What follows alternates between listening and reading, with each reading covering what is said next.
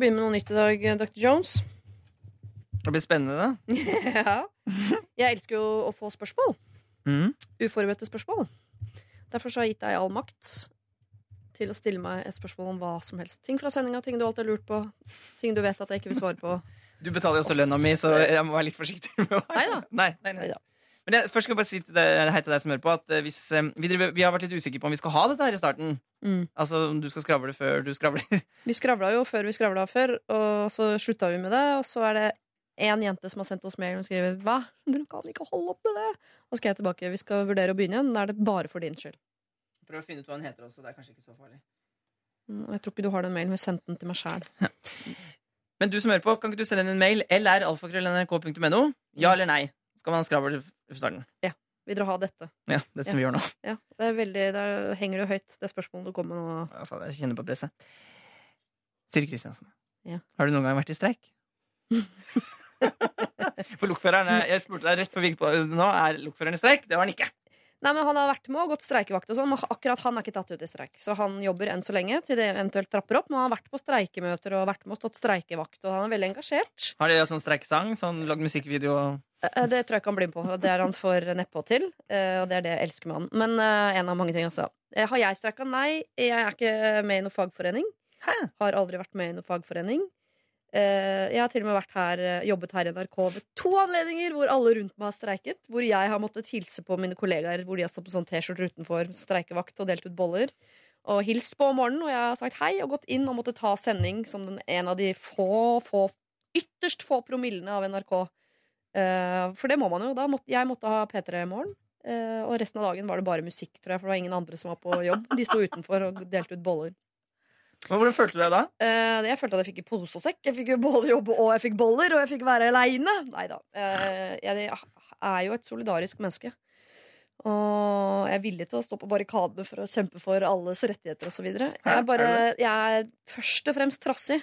Så når noen ber meg om å være med i en forening, så blir svaret nei. Jeg, jeg, jeg, klar, jeg veit når det forventes av meg, så klarer jeg ikke. Jeg klarer det ikke. Og en gang så oppsøkte jeg det, bestemte meg for å melde meg inn. Mm. Og da ble de så gira at da måtte jeg trekke meg inn. For jeg tenkte sånn Nei, nei, nei, nå var det jeg som ville melde meg inn, og nå, eh, nå tar dere over og vil ha meg inn. Da er det nei igjen. Så det er av igjen. Det er bare, det er bare trass. Kjempebarnslig. Jeg håper jeg vokser av meg en dag. Men da mister jeg også personligheten min, og det er greit. Med de ordene så På en og en halv time med råd, eller? Jeg skal altså gi råd til det norske folk. Eh, oh, Kjempedårlig idé. Vær så god. Dette er Lørdagsrådet med Siri Kristiansen. På P3. P3. God morgen. Her sitter jeg og tvinner eh, mine hodetelefonledninger og gleder meg til tre timer med rådgivning. Men eh, først så tenkte jeg jeg skulle bare dele en betraktning jeg hadde på vei til jobb i dag morges. Jeg kjører jo bil, skal vite. En eh, elektronisk liten Nissan Leaf. Herregud, nitrist. Jeg kan liksom få meg en strykefrie bukser eh, og fotformsko. Det Her kommer pensjonisttilværelsen. Uansett, det er nå en gang det jeg gjør. Eh, på vei til eh, mitt arbeid så kjører jeg eh, gjennom landskap fullt av skog og åkre og den slags. Og i dag, eh, ganske tidlig i dag morges, det var i, i eh, skumringa, ser jeg en mann som vandrer over et eh, jorde. Han er iført eh, fullt kamoutstyr, eh, rifle på ryggen og en knall oransje caps. Hva betyr det? Jo, at jaktsesongen er i gang. Det vet jeg jo egentlig at den er, fordi jeg selv faktisk har jegerprøven. Det var et fint bilde, egentlig. Jeg syns det er litt trist også. Først måtte jeg le, for jeg tenker at eh, bra med kamodress når du har oransje caps. Jeg vet at det er for at mennesker skal se deg så ikke du blir skutt fordi de tror du er en elg. Men hva skal elgen tro? Du er en eh, ripsbusk, og at capsen din er det eneste store ripset igjen på busken. Men de er kanskje fargeblinde. Ikke ta meg på teknikaliteter rundt dette. Jeg har jegerprøven, ok. Men det jeg også så trist, var at bak dette jordet, dette nydelige, deilige landskapet fullt av, av uh, kjøtt og jegere og åkre og trær, så ligger jo Bauhaus. det var ikke så fint. Det ødela litt av inntrykket mitt eh, med Bauhaus i bakgrunnen der. Eh, ok, hva er det eh, videre jeg tenker? Jo, jeg har jegerprøven. Jeg skulle ønske jeg kunne gå på jakt. Jeg har også dykkerlappen. Skulle ønske jeg kunne dykke. Og samtidig tenker jeg herregud, jeg har jo en perfekt Tinder-profil for en mann. Det eneste jeg mangler, er en interesse for amfibier. Og så eh, merker jeg også at hvor mye det har å si at paret i sin helhet liker de samme tingene. Fordi ja, jeg liker å dykke, ja, jeg liker å gå på jakt, og jeg tok jegerprøven sammen med min eh, høyt elskede lokfører. Men fordi han ikke er opptatt av jakt, og fordi han ikke dykker, ja, så dykker eller jakter ikke vi som par. Og da, eh, det er ganske irriterende. Det var ak akkurat det samme med eksen. Jeg drev med dykking. Sa jeg du skal ikke begynne med dykking, du også? da? Nei, jeg driver med paragliding. Ja, men så fly over da mens jeg dykker. Så utrolig irriterende. Så bra at du er opptatt av viet. Altså tospannet viet. Nei da, han skulle fly over mens jeg uh, dykka.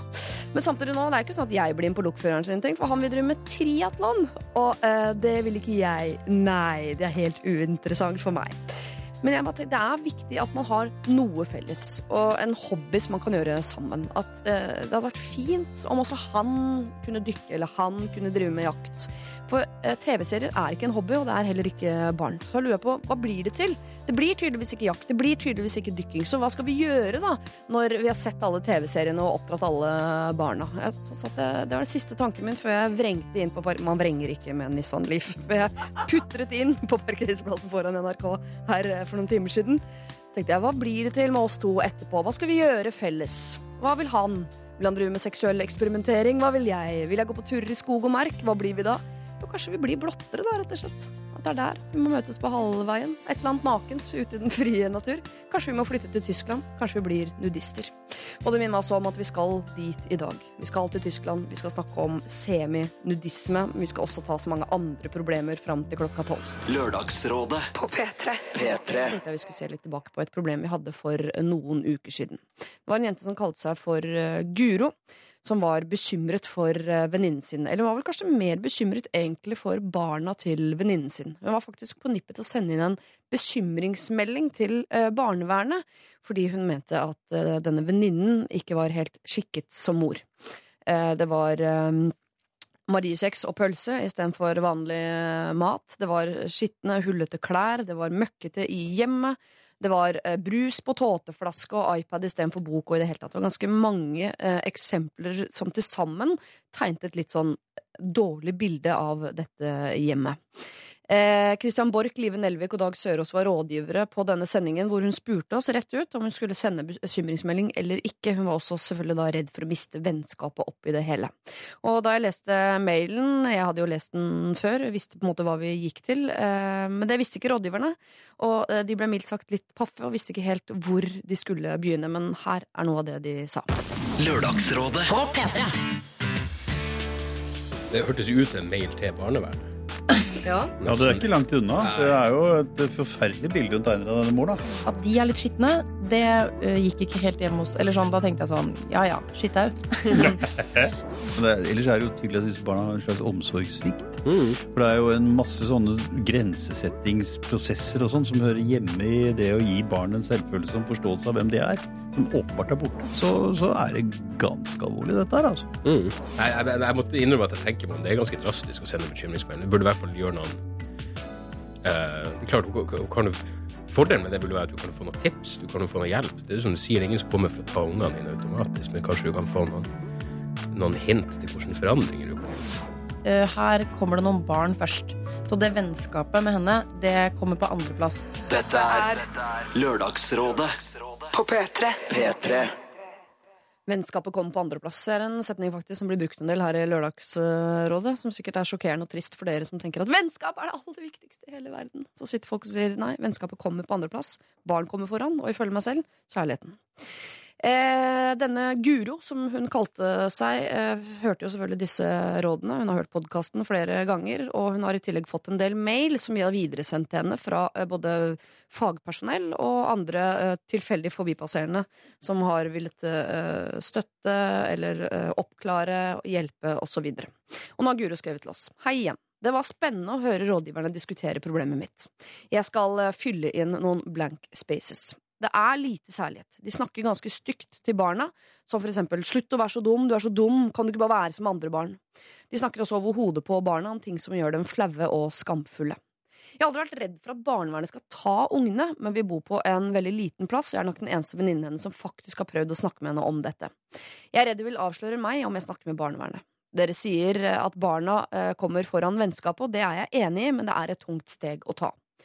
Etter å ha hørt på diskusjonen mellom rådgiverne og lest alle de ekstra e-postene jeg fikk, takk forresten for det, føler jeg at jeg har gjort mitt når det kommer til etterforskning og undersøking. Det ba vi henne nemlig om å gjøre. Ta etterforsk, undersøk litt mer før du sender inn bekymringsmeldingen.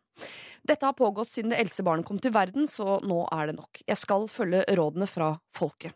Jeg kommer til å sende inn en bekymringsmelding. Jeg vet ikke helt hva jeg skal skrive, kanskje bare kopiere første mailen jeg sendte dere, som Dag Sørås sa. Jeg vet heller ikke om hvordan jeg skal håndtere hele situasjonen, om det faller tilbake på meg, men det får jeg ta som det kommer. Kanskje jeg må be om mer råd av dere. Om det blir noen etterspill av dette, ja, så skal dere få høre fra meg. Takk for råd, Lørdagsrådet for life. Hilsen uh, Guro. Det er bra, Guro. Si fra igjen hvis det er noe vi kan gjøre. Jeg synes det er tøft av deg at du uh, velger å sende bekymringsmelding selv om du er redd for vennskapet. Men det er som Live sier, det kommer litt på andreplass. Dette er NRK God morgen, Trond-Viggo Torgersen. God dag! God morgen. God morgen! God morgen, Torbjørn Røe Isaksen. Hallo. God morgen, Erik Solbakken. Ja, god morgen. Ja. Du er den blideste her i dag, Erik. Jo, er det takk. nytt for deg? Det er nytt for uh, året. Nytt Nå- for året. Ja. Jeg følte jeg var det seriøse pålegget i en sånn morosandwich. Ja, ja. Med to komikere på hver side, og så sitter jeg som sånn kjedelig i midten. Men du vet jo nå Mm. hva folk gjør når de kjøper hamburgere i kantina. Senest eh, i går så skjedde det med en kollega av meg. De tar bort brødet, og så sitter de igjen med den eh, lille i midten. Så det, det skal du tørre kjøttkaka i Den, midten. eh, ja. Det er lavkarbo-folket som har skjønt hva som må gjøres for å komme i mål til bikini-sesongen 2029. Eh, men du skal vite at det er ille å være motsatt også, Torbjørn. Å bli satt i sånne seriøse settinger som den som kan sprite opp stemninga litt. Hvis noen har følt på det. det er heller Jeg trodde ikke jeg skulle være den seriøse her, men jeg trodde det kom to unge kvinnelige bloggere. Og de to andre trodde det kom bare én kvinnelig blogger, at jeg skulle være den tredjemann. Men jeg var da den seriøseste, føler jeg. Erik er den unge kvinnelige bloggeren Ja. blant oss i dag. Og, og eh, det er Torbjørn også. Ja. Egentlig for meg, da. Ja, ok. Så hyggelig da, Torbjørn. Eller? Tusen takk. Ja. Jeg, har jo, meg. en, jeg. eh, har jo en rosa blogg. Den er ikke så mye lest, men uh, med tips. Er det. Minerva-siden du henviser til der? det er ikke så Heter rosa. er det? minervanett.no. Jeg oppfatter ikke den som rosa, men uh, det kan være meg. Dere, hva syns dere om Johauga? Oi, oi, oi. Er Vi begynner der, ja. Ja, vi begynner der. Jeg syns så synd på. Jeg har prøvd, jeg har prøvd å være sånn Jeg er 50-50, og nå må vi tenke på jeg syns bare synd på altså. altså. Jeg har vært innom den der Hadde det vært en russisk mann, så er det Ja, ingen som hadde brydd seg. Ja. Kom ikke her og grin, men du får ikke til. Ja, så, Men en russisk mann hadde jo ikke grått på den måten. jo, jeg leste en, eh, en eh, kronikk om at alle gråter Eller det var en svenske som sa det, selvfølgelig. Alle gråter når de er dopa. Ah, ja. mm. Er det dop effekten av doping? Ja, det, det er hvis du tenker pressekonferanser og til og med liksom John Johns Altså hele gjengen der har grått. Så det er dessverre ikke et argument. Men ikke så mye som Johaug. Du så på Johaug Ja. at hun var så knust. Ja.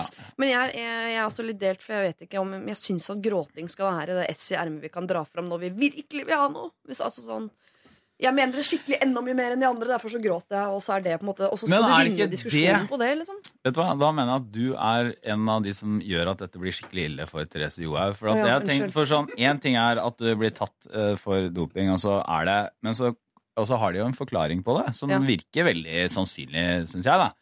Men det er nettopp det at alle, alle skriver og alle sier jo, men det de vil vi skal tro, er det ikke litt for påfallende? at Den mistenkeliggjøringa, det tror jeg er veldig vanskelig. Og nei, jeg tror ikke hun sitter og, kalkulerer fram gråting. Det tror jeg ikke. Nei. Jeg tror bare, For jeg kjenner igjen selv at eh, hvis jeg krangler f.eks. for eksempel med eh, kjæresten min, da, eh, så vet jeg at eh, hvis jeg gråter Jeg gjør det heller ikke da bevisst, men etterpå, hvis jeg da har fått vilja mi basert på gråting, så føles det likevel ikke som jeg har vunnet på samme måten. Det føles som jeg likevel på en eller annen måte har tapt. Skjønner du hva jeg Mm. mener? Er det sånn når dere ser Skavlan i går, for han ville se noe annet? Er det, er det der, på en måte? Det, eller er det, eller er, du, tar det, du tar i bruk Ja, det må større ting til, som for Ja. eksempel denne måneden jeg sa uh, Jeg har ikke penger denne måneden, så du må betale alt. Og så gråt jeg, så sa han det ordner seg, jenta mi. Og så da var det ting Men jeg har mye annerledes. så Jeg, siden jeg er lege, så får jeg sånn følelse av at uh, han legen er blitt utsatt for noe av det ubehageligste som man kan bli, og det er å gjøre en feil, med legefeil, Ja.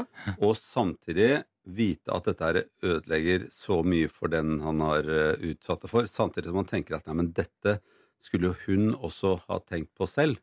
Men hun fikk jo bare kremtuben, Ja. ikke pakka, hvor det Nei. sto altså et, et stort symbol hvor det sto 'doping', nei! Siden dette ikke er en rettssak, så Ja. tenkte jeg mer på den siden av det. Ja. Hvor, eh, hvor, hvor hun har gjort det vi håper at alle skal gjøre, være så tillitsfulle som hun er. Mm. Og så er dette gått utover henne selv og denne legen. Og da blir legen sittende igjen med den som må ta ansvaret for at hun skal få det bra. Men hva er det ansvaret? Fordi hun kan jo få to måneder utestengelse, for eksempel. Det får vel ikke han? Han er vel på jobb Nei. igjen mandag morgen Nei, han må har smører slutta. på. Har han slutta? Han har trukket seg. Han trakk seg jo samme dag. Ja. Er det en Eh, beskjed han har fått, tror dere? Nei, det tror jeg faktisk han har gjort sånn samvittighetsmessig, Ja. og på grunn av henne. Men kan jeg stille et spørsmål? Ja. Det er uh, Blir man Altså Har Therese Johaug blitt bedre på ski av at hun har svelget litt grann Nei, av det hun har hatt på leppene? Nei, så, så det er liksom ikke Det er det ingen som mener. Nei, det tror jeg ikke noen Nei. mener. Det er ikke medisinsk holdbart engang. Nei. Nei. Og så er det jo veldig bra at man eh, hadde så friskt i minne det intervjuet fra Italia hvor hun hadde altså en eh, lepper. Forferdelige lepper. Og jeg tenker at eh, vakre Therese Johaug med de leppene Jeg skjønner jeg hadde gått inn på et russisk apotek. Jeg sier 'gi meg nå! Jeg må ha det bort'. Så uh, det er jo uh, Hvis det først skal være en rettssak, så syns jeg at det er et argument man kan Men eh, har hun bordet. skrevet inn? Er det derfor du tar det opp nå? Eller er Hun har skrevet inn. Ja, okay. Hun kommer I- etterpå. Nei, det var det hun forberedte på at hun hadde skrevet inn. Ja. Nei, hun har ikke skrevet inn noen ting. Men jeg har skrevet inn et spørsmål her foran meg i mitt uh, manus. Det Mhm. eneste spørsmålet jeg har skrevet ned til i dag. Hva er deres sivile status da, gutter? Sivile. Ja. Jeg har ikke klart å skille meg ennå, det er jo helt klart. Ikke klart å bli kvitt noe av barna og barnebarna, sånn at jeg er sivilt sånn som forrige gang jeg var her. To leiligheter, én kone, to barn og tre barnebarn. Ja. vi? Ja, skal vi telle opp bilen også, eller eh, er det nok med to leiligheter? Ja, Hvor mange biler er Vi det? har én bil delt på, på, på barn og oss. Ja, Så de, når de har bilen, så må vi spørre om å få låne bilen vår. For å passe på barna deres. Ja. Ja, Det er et kjempefint regnestykke. Mhm. Torbjørn, åssen ligger du an nå? Jeg har én en kone, ett Ja. barn, ett barn til på vei. Et hus i Porsgrunn, en regjeringsleilighet i Oslo, en bil med hull i gulvet. Eh, og som ikke starter, som snart skal byttes ut. Hvorfor er den hull i gulvet? Nei, Det har kommet noen vann der, og så har jeg ikke tørka det opp. Og så tror jeg det har rusta, rett og slett. Stilig. Ja, men du er fra Telemark. Det er sånn Ja, dere det, holder er, på. det er også tøft. Ja. Det er noe råneaktig over det. Erik, åssen står det til bort hos deg? Jo, nei, jeg har solgt uh, huset i Siljan. Mm. Kjøpt et uh, nydelig hus i Sarpsborg. Uh, bloggen går bra, eh, og er lykkelig, i hvert fall utad. Men innad så har jeg mine ting. Men Ja. det vil jeg ikke dele med verken mine blogglesere Altså, jeg er jo bloggeren her. Ja, ja. Helt åpenbart. Og så ser det ikke ut som du har født uh, Nei, Kroppen ja, bærer altså, ikke preg av graviditet. Faktisk så fikk jeg høre det av kostymøren her på NRK, Norges ærligste person, at Erik, nå har det gått opp en størrelse. Oi! Har du det? Ja. Så gøy. Ja, Og det så, så, og så lo litt. Ja. Og så tok hun tak i og så sa hun det er godt å ha noe i Nei, da Nei, mens du sto bak deg og Ja, ja. ja. Jeg skjønner. Så sivil status Erik er Solbakken. eh, eh, nysjuk. Nysjuk. Ny, ja, Nytjukk. nytjukk. Ja. Glad og fornøyd med det. det kommer en kronikk til uka. Man blir veldig blid av det. skjønner du. Ja, ja. Det er sukkeret som gjør det. Ja.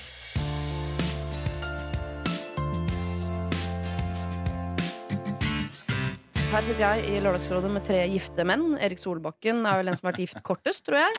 Eh, så tett fulgt av Torbjørn Røe Isaksen. Ja, Eh, ja, mest du, Torbjørn, eh, Torbjørn eh, Viggo Andersen. Du har vært gift kjempe, kjempe, Kjempe, kjempelenge. kjempelenge. Ja. Alltid, egentlig. Som et slags eh, fyrtårn for dere andre gutter. At det kan bli så fint hele veien. Veldig, sant? en lysfontene i ekteskapets Hvordan det går med Ulrik, det vet vi jo ikke. Ulrik Eh, altså Men. Ulrik har skrevet inn uh, følgende. Jeg har nå vært samboer i litt over et år. Vi har ikke snakket noe om bryllup, men vi snakker om barn, så alt ligger til rette for at det blir oss to. Selv har jeg vært forlovet to ganger. Og en grunn til at jeg ikke har nevnt bryllup, er de forventningene og skuffelsene jeg har opplevd tidligere. Men skulle det komme på banen, så kan, bli, så kan det godt bli både bryllup eh, mellom meg og min eh, samboer og barn. Hvis jeg skulle gifte meg med min samboer, så har jeg allerede bryllupsantrekket klart. Men er det greit å bruke det? I et tidligere forhold fikk jeg nemlig designet et bryllupsantrekk og fikk sydd det for en rimelig penge i Vietnam. Det ble veldig stilig og akkurat sånn som jeg vil ha det. Men det blei jo opprinnelig laget for eksen. Så er det da greit å bruke det antrekket for å gifte seg med en annen. Eksen vil jo synes det er greit, men det viktigste er om bruden vil synes det er greit. Min samboer flyttet rett inn hos meg og har aldri spurt om uh, det bare er jeg som har dekorert, uh, dekorert alt, så hun er ikke så veldig sensitiv for sånne ting. Alternativet er at jeg skaffer meg akkurat det samme antrekket på nytt for en dyr penge. Så hva mener dere, Lørdagsrådet? Kan jeg bruke et bryllupsantrekk som ble laget i et tidligere forhold? Bør jeg i så fall si det, eller bare håpe at ingen spør? Eller må jeg kjøpe et nytt antrekk? Hilsen Ulrik. Oh, hva er det det er for noe, da? Hmm? Hva er det det er han uh, har fått laget i Vietnam? Det er en dress. Og en helt vanlig dress. Det er ikke sånn dekorert med veldig vietnamesiske ting. Jeg håper ikke det er sånn Martha-aktig med mye sånn uh, Nei, for- symboler. hvis det er- og om sånn. alle de døde i Vietnamkrigen. og så står det på Hvis det er, hvis det er en helt sånn eh, nat, uh, naturell sak, Ja. som, som svart-hvitt-ting, mm. så kan ikke jeg se noe forskjell, holdt jeg på å si. Kan han ikke ha det, da? Hvorfor kan han ikke ha det? Det er det han spør om. eh, Ja. Men han kan jo For det um, Men det Det kommer jo helt an på eh, hun han skal gifte seg med. Ja. Det er jo det er, det er jo ikke Det er jo det er det eneste som betyr noe her. Mm. Så uh, han kan ikke ha det hvis hun sier nei. Og hvis hun, hvis hun, sier, hvis hun drar litt på det, sånn Ja, det gjør ikke noe for meg, det. Det er sikkert greit det å spare de pengene. Så ville jeg vært veldig eh, på alerten. Altså, men jeg leser så mye mer uh, her, fordi det her er jo foreløpig et ikke-problem, som jeg ser det. Det er jo ikke en konflikt her, i hvert fall ennå. Uh, så hvis du begynner uh, Hvis du begynner bakfra, da, eller hvis du begynner med den håndsydde, fine dressen, Mm. så tror jeg det ikke er et problem, siden han skriver at hun er litt sånn tja. Eh, for det skal jo eh, Hvis de skal gifte seg, så er det jo et budsjett her til klær og sånne ting. Og det Ja. er veldig tullete med Det er en av de tinga som er det, det kjipeste med å gifte seg. Du blåser masse penger på f.eks. en kjole du bruker kanskje én gang, som du kanskje selger på Finn for å tappe masse penger og sånne ting. Ja. Så jeg tror det kan være en økonomisk side ved å ikke kjøpe ny, og det er bra, og sånne ting. Men eh, jeg fikk bare en sånn vibb om at det er jo ikke bestemt at de skal gifte seg, er det det? Mm, nei. Nei, men han, uh, Ulrik høres ut som en type som er tilbøyelig til å gifte seg. da Ja, uh, For Han har vært forlovet to ganger og kjøpt dress, og alt er klart. liksom Og han, Det er han som snakker om det allerede. Så uh, men, eh, Men det er så mye mellom linjene her, fordi det jeg har lyst til å utfordre ham på, er fordi det finnes eh, to ulike typer mennesker. Eh, og det er de som har lyst til Ja, eller i hvert fall i denne settinga her, da, så er det de som har lyst til å gifte seg, og de som ikke har lyst til å gifte seg. ja. Det fins ingen som Altså, det, det, er, det er et ganske greit standpunkt å ta, på en eller annen måte. Det uh, fins jo de det kommer an på folkene også, da, imellom de to. ah, Filler'n, det fins Ja. tre tipper, da. Ja. Ja. Og de som aldri kan gifte seg heller. av Praktiske grunner. Men, men eh, så det Altså Det høres ut som han har lyst til å lage et lite problem ut av den dressen her. Eh, og det det kanskje handler om, er om han har lyst til å gifte seg i det hele tatt. Og det har jeg bare lyst til å utfordre ham Jeg tror ikke Ulrik er en fyr som vil lage et problem. Jeg tror han er en fyr som vil unngå at ting blir et problem. Men ved å være sånn, så skaper han problemer. Det har jo gått Jeg vet ikke hvorfor det har gått så dårlig de to forrige gangene, Det men er sannsynligvis noe med Ulrik. Det er nok hans feil.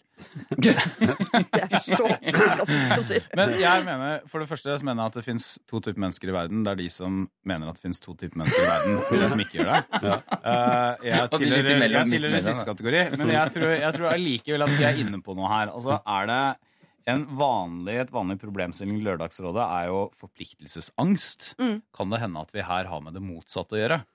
Altså eh, med en mann som overplanlegger, kanskje. Han har vært forlovet to ganger. Det er ganske mye, er mye, ja. eh, i ung alder. Nå kan det jo hende det har at det blir, blir noe av. Og hvis det blir noe av, hvis det er på ordentlig denne gangen, Mm. så er det i den store sammenhengen så er dette veldig håndterbart, tror jeg. Og da er det bare å spørre.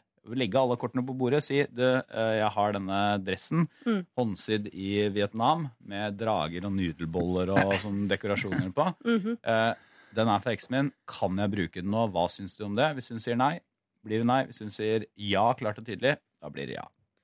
Ja, for dette er vel et ganske sånn klart uh, spørsmål. For Ulrik høres ut som en sånn uh, følsom type som uh, blir ringforlova ganske kjapt, for han er så romantisk. Han er, han er, det er han som kjøper de enstilkede rosene av folk som går forbi på gata. Det er Ulrik som kjøper de, hvis dere har lurt på hvem som gjør det.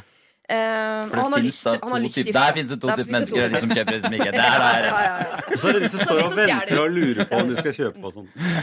Eh, Eh, Jeg har et veldig sånn der, pragmatisk forhold til klær. Det, det må jeg si. Uh, og, så jeg har en sånn følelse av at for Ulrik så betyr det klær veldig mye mer. Mm. At det kan godt tenkes han til og med bare har ett problem, og det er at han har en dress han aldri får brukt. Det handler ikke om bryllupet, det handler om den dressen. Ja. Han må ha en anledning til å få brukt dressen. Ja, det- det kan være én ting. Og så uh, syns jeg det er Jeg ville gravd mer på hvorfor han har vært forlovet to ganger, Ja. eh, og nå er samboer. Mm. Altså for det der, De som forlover seg Mm. tidlig i livet, det er, det er en gjeng. Altså, det er to typer der, da. Nei, Det er liksom det er også flere typer, selvfølgelig. Men jeg lurer på hvorfor han har vært forlovet. Hva det jeg legger til deg i historien. Um, for det Må man det?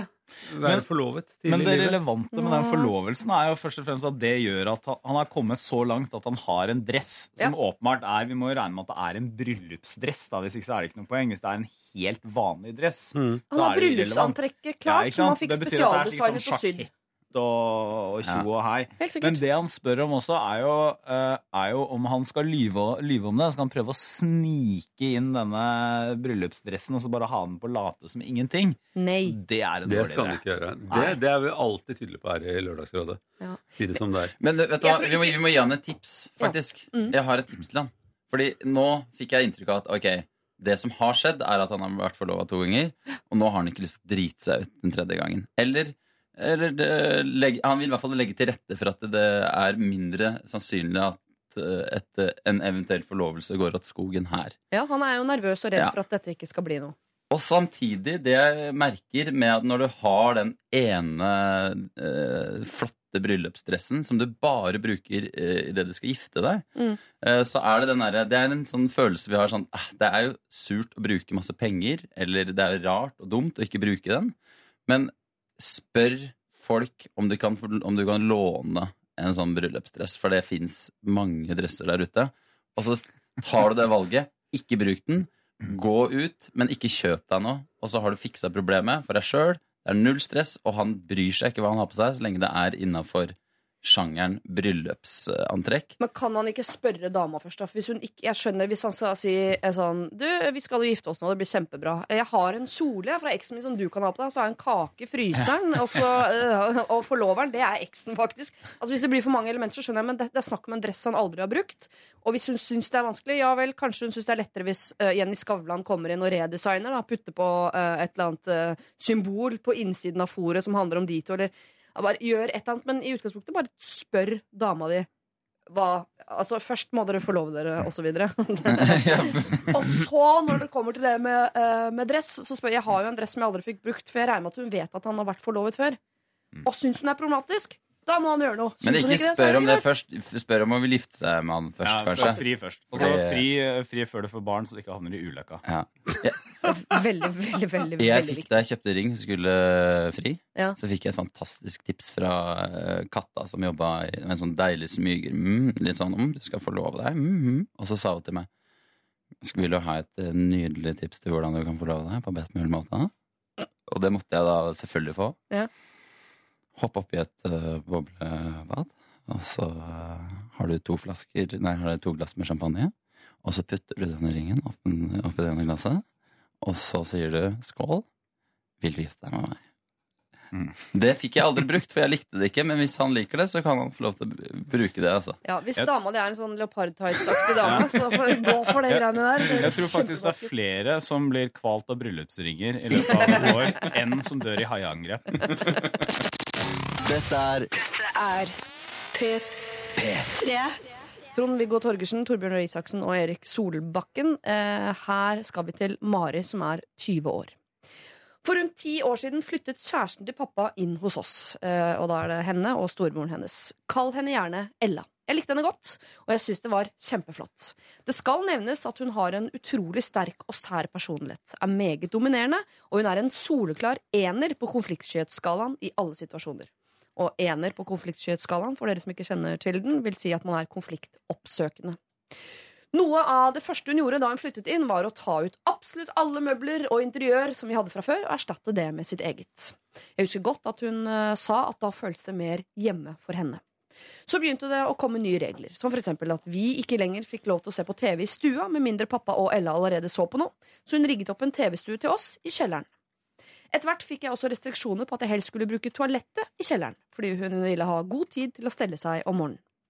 Jeg har alltid prøvd å være respektfull både mot min far og mot Ella, og har aldri turt å si imot når jeg føler at jeg har blitt behandlet feil eller jeg har vært uenig i noe. Til eh, slutt så flyttet jeg 100 til min mor.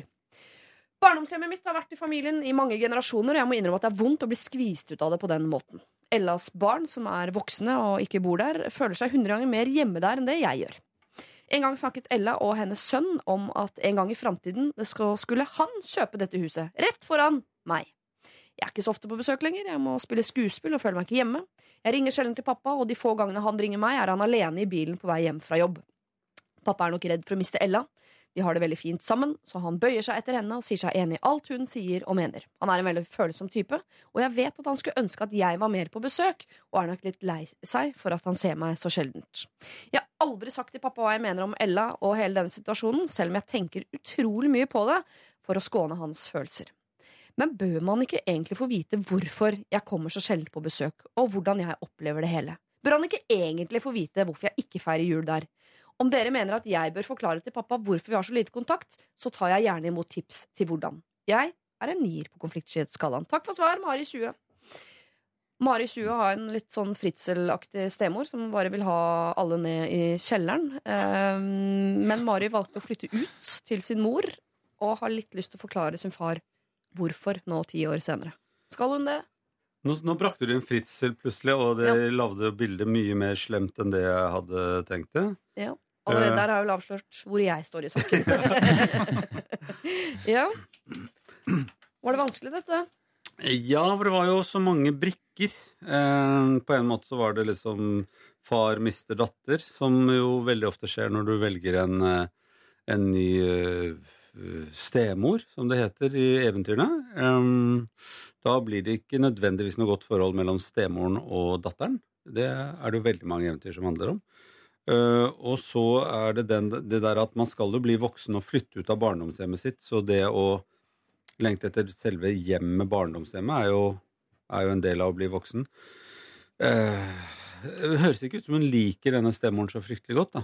At det er det som er problemet. Og så har hun ikke lyst til å såre faren sin. Jeg tenker De to største og viktigste brikkene her er jo uh, Mari 20 og pappaen som ikke lenger har noe forhold. Og grunnen til det er Ella. Eh, skal eh, far få vite det? Han går vel sikkert rundt og lurer på hvor blei det av det gode forholdet, hvorfor har jeg ikke kontakt, eller Men det er eh, Jeg har ikke noen egne erfaringer med dette, men sånn basert på det jeg har hørt og lest, og sånn, så høres det ut som en veldig klassisk historie. Mm. Eh, og kanskje særlig klassisk fordi det er far uh, og ny kjæreste. Mm. Uh, og følelsen av at far blir litt sånn oppslukt av den nye kjæresten. Men jeg, jeg syns det er veldig viktig premiss for dette, det hun sier innledningsvis, nemlig at hun hun har ikke vært sånn at i det øyeblikket det skjedde, så var hun mot det fra første stund. Alltid motarbeidet. Eh, Jeg har alltid hatet henne. Jeg syns hun er den verste personen i verden. Hun ødelegger faren min. Hun viser jo at egentlig en viss sånn forståelse for sin stemor, da. Mm. Um, og så er det som er vanskelig, er at hvis hun uh, snakker med faren, så vil det jo veldig lett bli sånn at uh, hun setter faren i en posisjon hvor han føler at han må velge. Eh, ikke for det, og det, det er jo egentlig sånn de voksnes ansvar å håndtere sånne ting. Nå er jo hun også voksen, da. Men det kan jo bli litt vanskelig, så er det en mulighet kanskje å snakke med begge to, eller blir det bare enda verre? Altså, det her er jo litt sånn Ja. niernes største problem, på en måte. At du har gått over så mange år og bare feid det under teppet, og så snakket masse med det med mamma og venninner. Og nå føler jeg, når hun skriver mail til Lørdagsrådet, så har hun kommet til et punkt at hun finner seg ikke i noe mer. Eh, så for henne så er det liksom en, kanskje en ti års lang opplevelse av at nå har jeg kommet til den dagen hvor jeg skal si ifra. Mm. Jeg tenker Det er liksom problem én, at det, det trenger ikke være sånn. Eh, og, men hun står litt aleine, høres det ut som. Så mitt råd er kanskje bare å eh, begynn å henge litt mer med faren din eh, utafor barndomshjemmet. Ta noen middager, ut og spise. Liksom, begynn der. For der høres det ut som det forholdet har begynt å begynt å liksom fade ut litt. Og det tror jeg er det hun øh, frykter mest av alt, kanskje. Det håper jeg, siden jeg sjøl er far.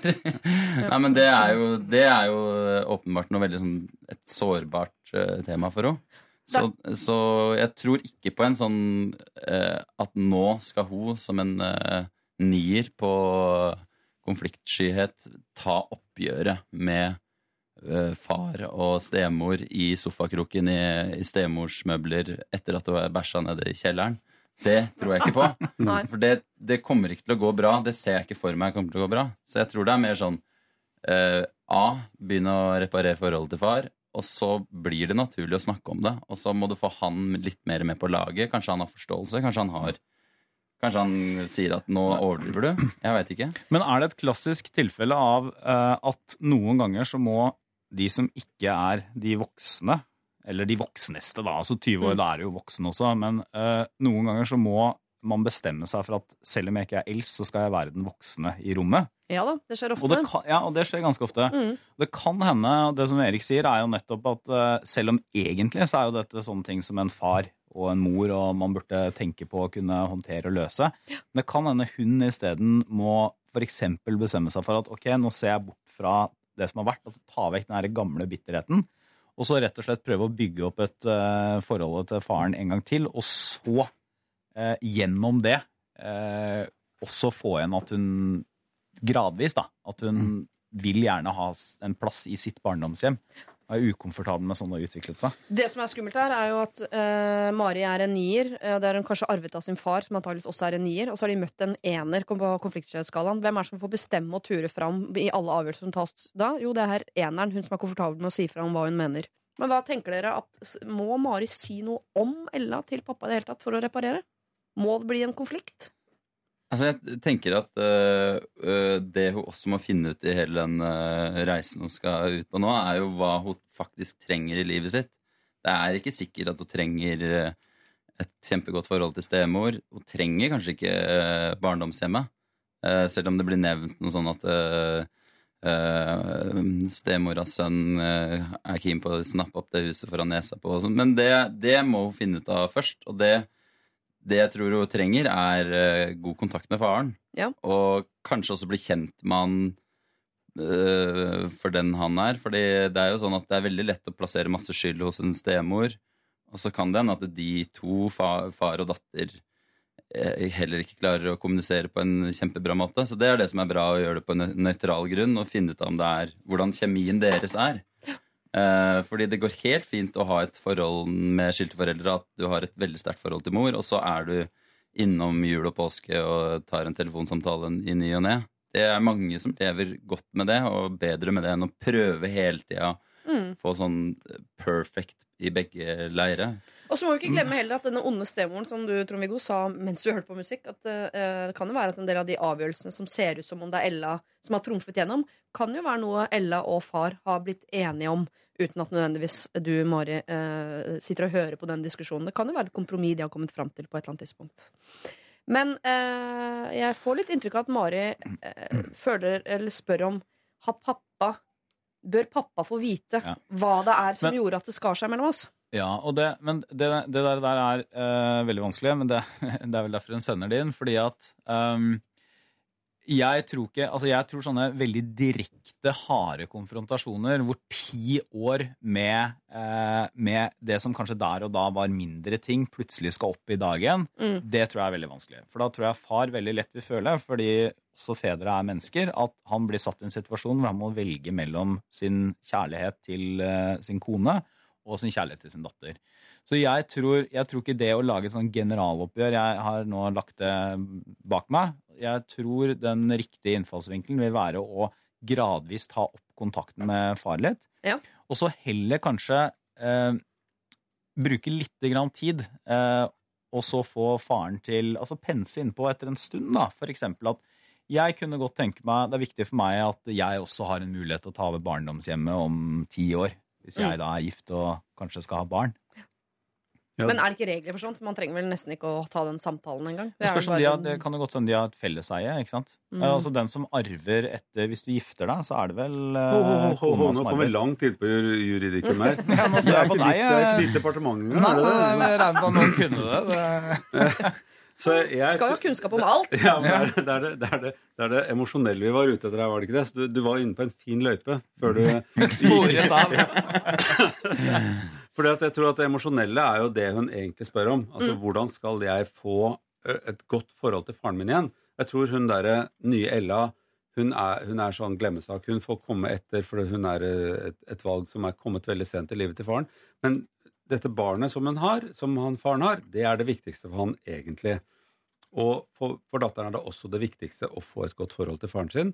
Og jeg er nok mer på, på, eh, på Eriks uh, banehalvdel at det er, det er nødvendig å gjøre dette her et sted som er litt nytt og nøytralt. Altså hvor de kan jobbe mer med sitt forhold, som de har hatt veldig lenge. Og så minne ham på at uh, jeg er jo datteren din, og er ikke jeg litt viktig for deg også? Mm.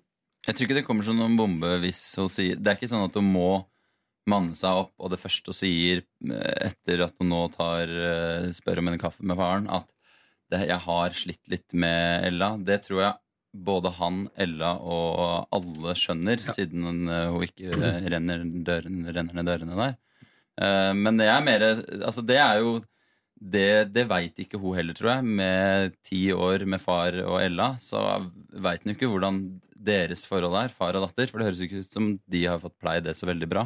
Bortsett fra med faren med Bluetooth i bilen eh, og litt sånn prøver å dekke over. Men jeg tror et øh, ønske fra barnet om å tilbringe mer tid sammen, eller noe, en, øh, noe sårhet eller kjærlighet fra barnet mot far, det vil aldri uh, gå feil eller slå feil.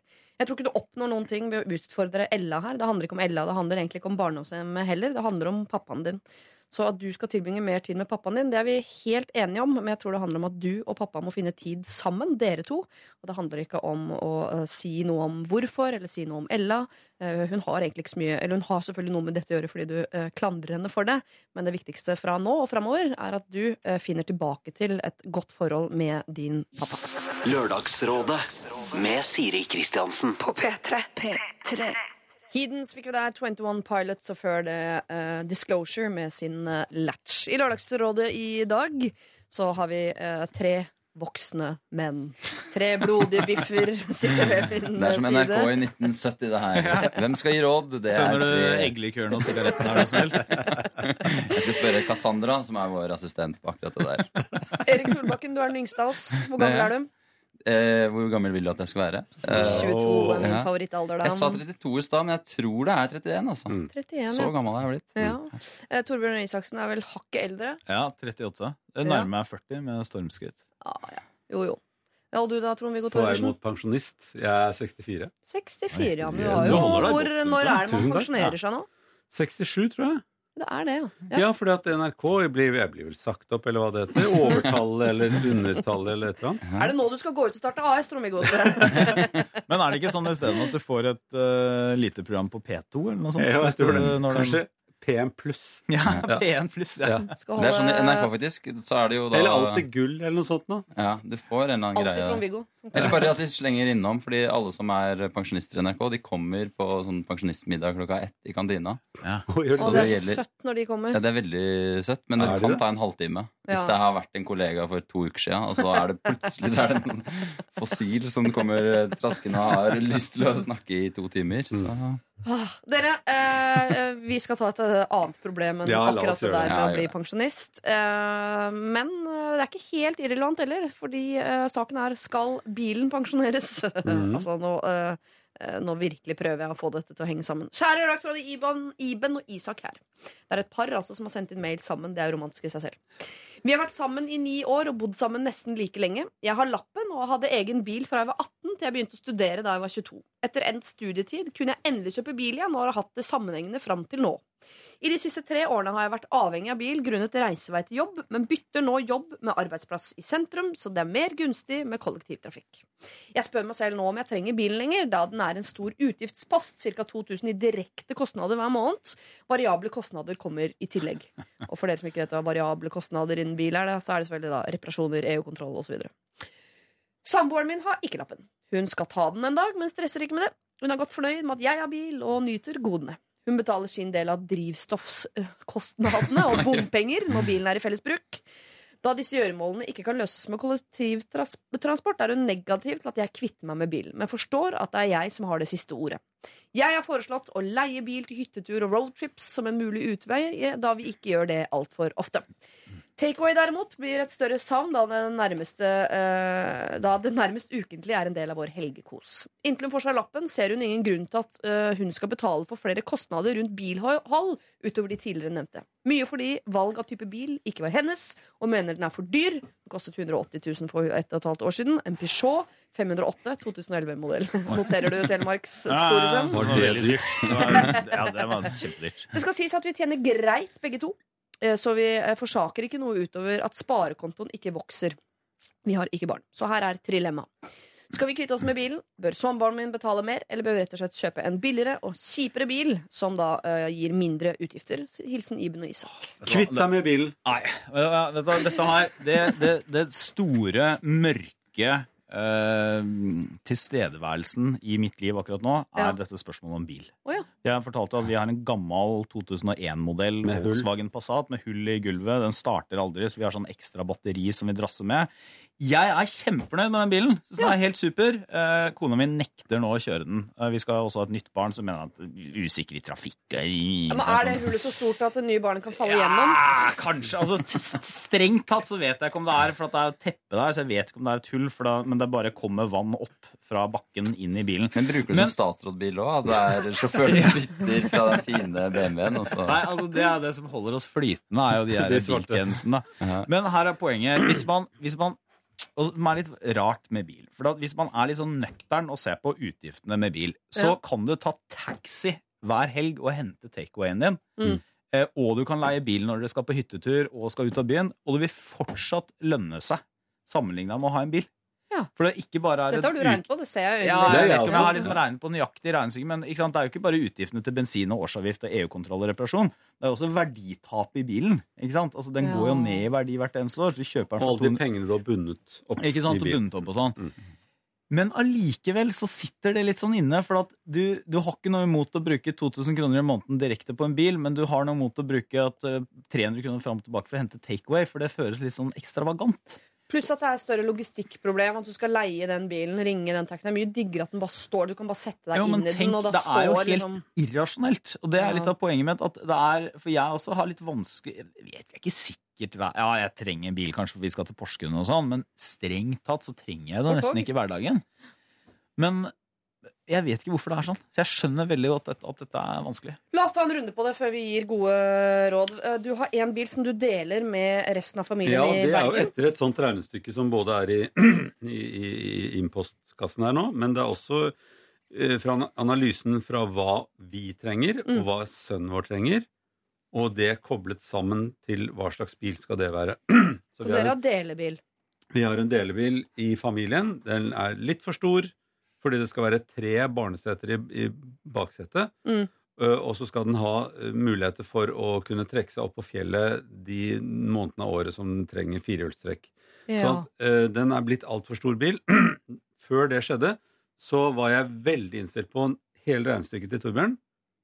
Kvitt deg med bilen, og bruk så mye taxi som du gidder. Og jeg har uh, en jeg kjente som gjorde det, Mm. og det var mye billigere enn å ha bil selv. Men eh, bare oppfølgingsspørsmål til det der, eh, Trond-Viggo. Deler dere også utgiftene da ut ifra hvor mye du og sønnen bor? Eller er det dere, de vok mest voksne som betaler? Så Det skal du bare drite i. Det skal jeg drite i, ja. Det Jeg spør på vegne av For har du ikke også andre barn som på Jeg er dette? tross alt far. ja, ok, Ja. greit. Eh, Kjapt ditt forhold til bil, Erik. Hvordan har du Jeg har en Skoda, Ja. og takk for meg. Nei, men jeg har jo det med det Å som kjøre eh, Skoda når du kan gå, da. Mm, det, er, altså, det, det var en gang eh, eh, Det er jo sånn Når du er på TV, så har du jo eh, beundrere. Både gamle og unge. Og det er folk som hater deg. Egentlig flest som hater deg. Men eh, det var en gang en Det er to typer mennesker. En gang en tolvåring som kom bort til meg og sa sånn Hvilken bil har du? Og da jeg sa det, jeg hadde Skoda, så, så mista jeg en fan der, altså. Det var sånn, han så for seg Ferrari. Men eh, det jeg vil eh, anbefale, er Jeg ville ikke solgt bilen i, dag. Men jeg ville testa ut, øh, øh, siden han skal ha en jobb i sentrum. Nå snakker du til Iben og Isak, ikke til Skådan, ikke sant? Ja, Ja. Skådan, den den forblir. Men øh, test ut hvordan det er å leve uten bil en måned. Uten å selge den. Fordi det er ganske Ja. tilfredsstillende. Altså det jeg har blitt ganske god på. Nå vet jeg at folk kommer til å hate meg for det. Jaha. Men uh, nå, jeg sykler året rundt fordi jeg har ganske kort vei til jobben. Så har det likevel gått opp en størrelse.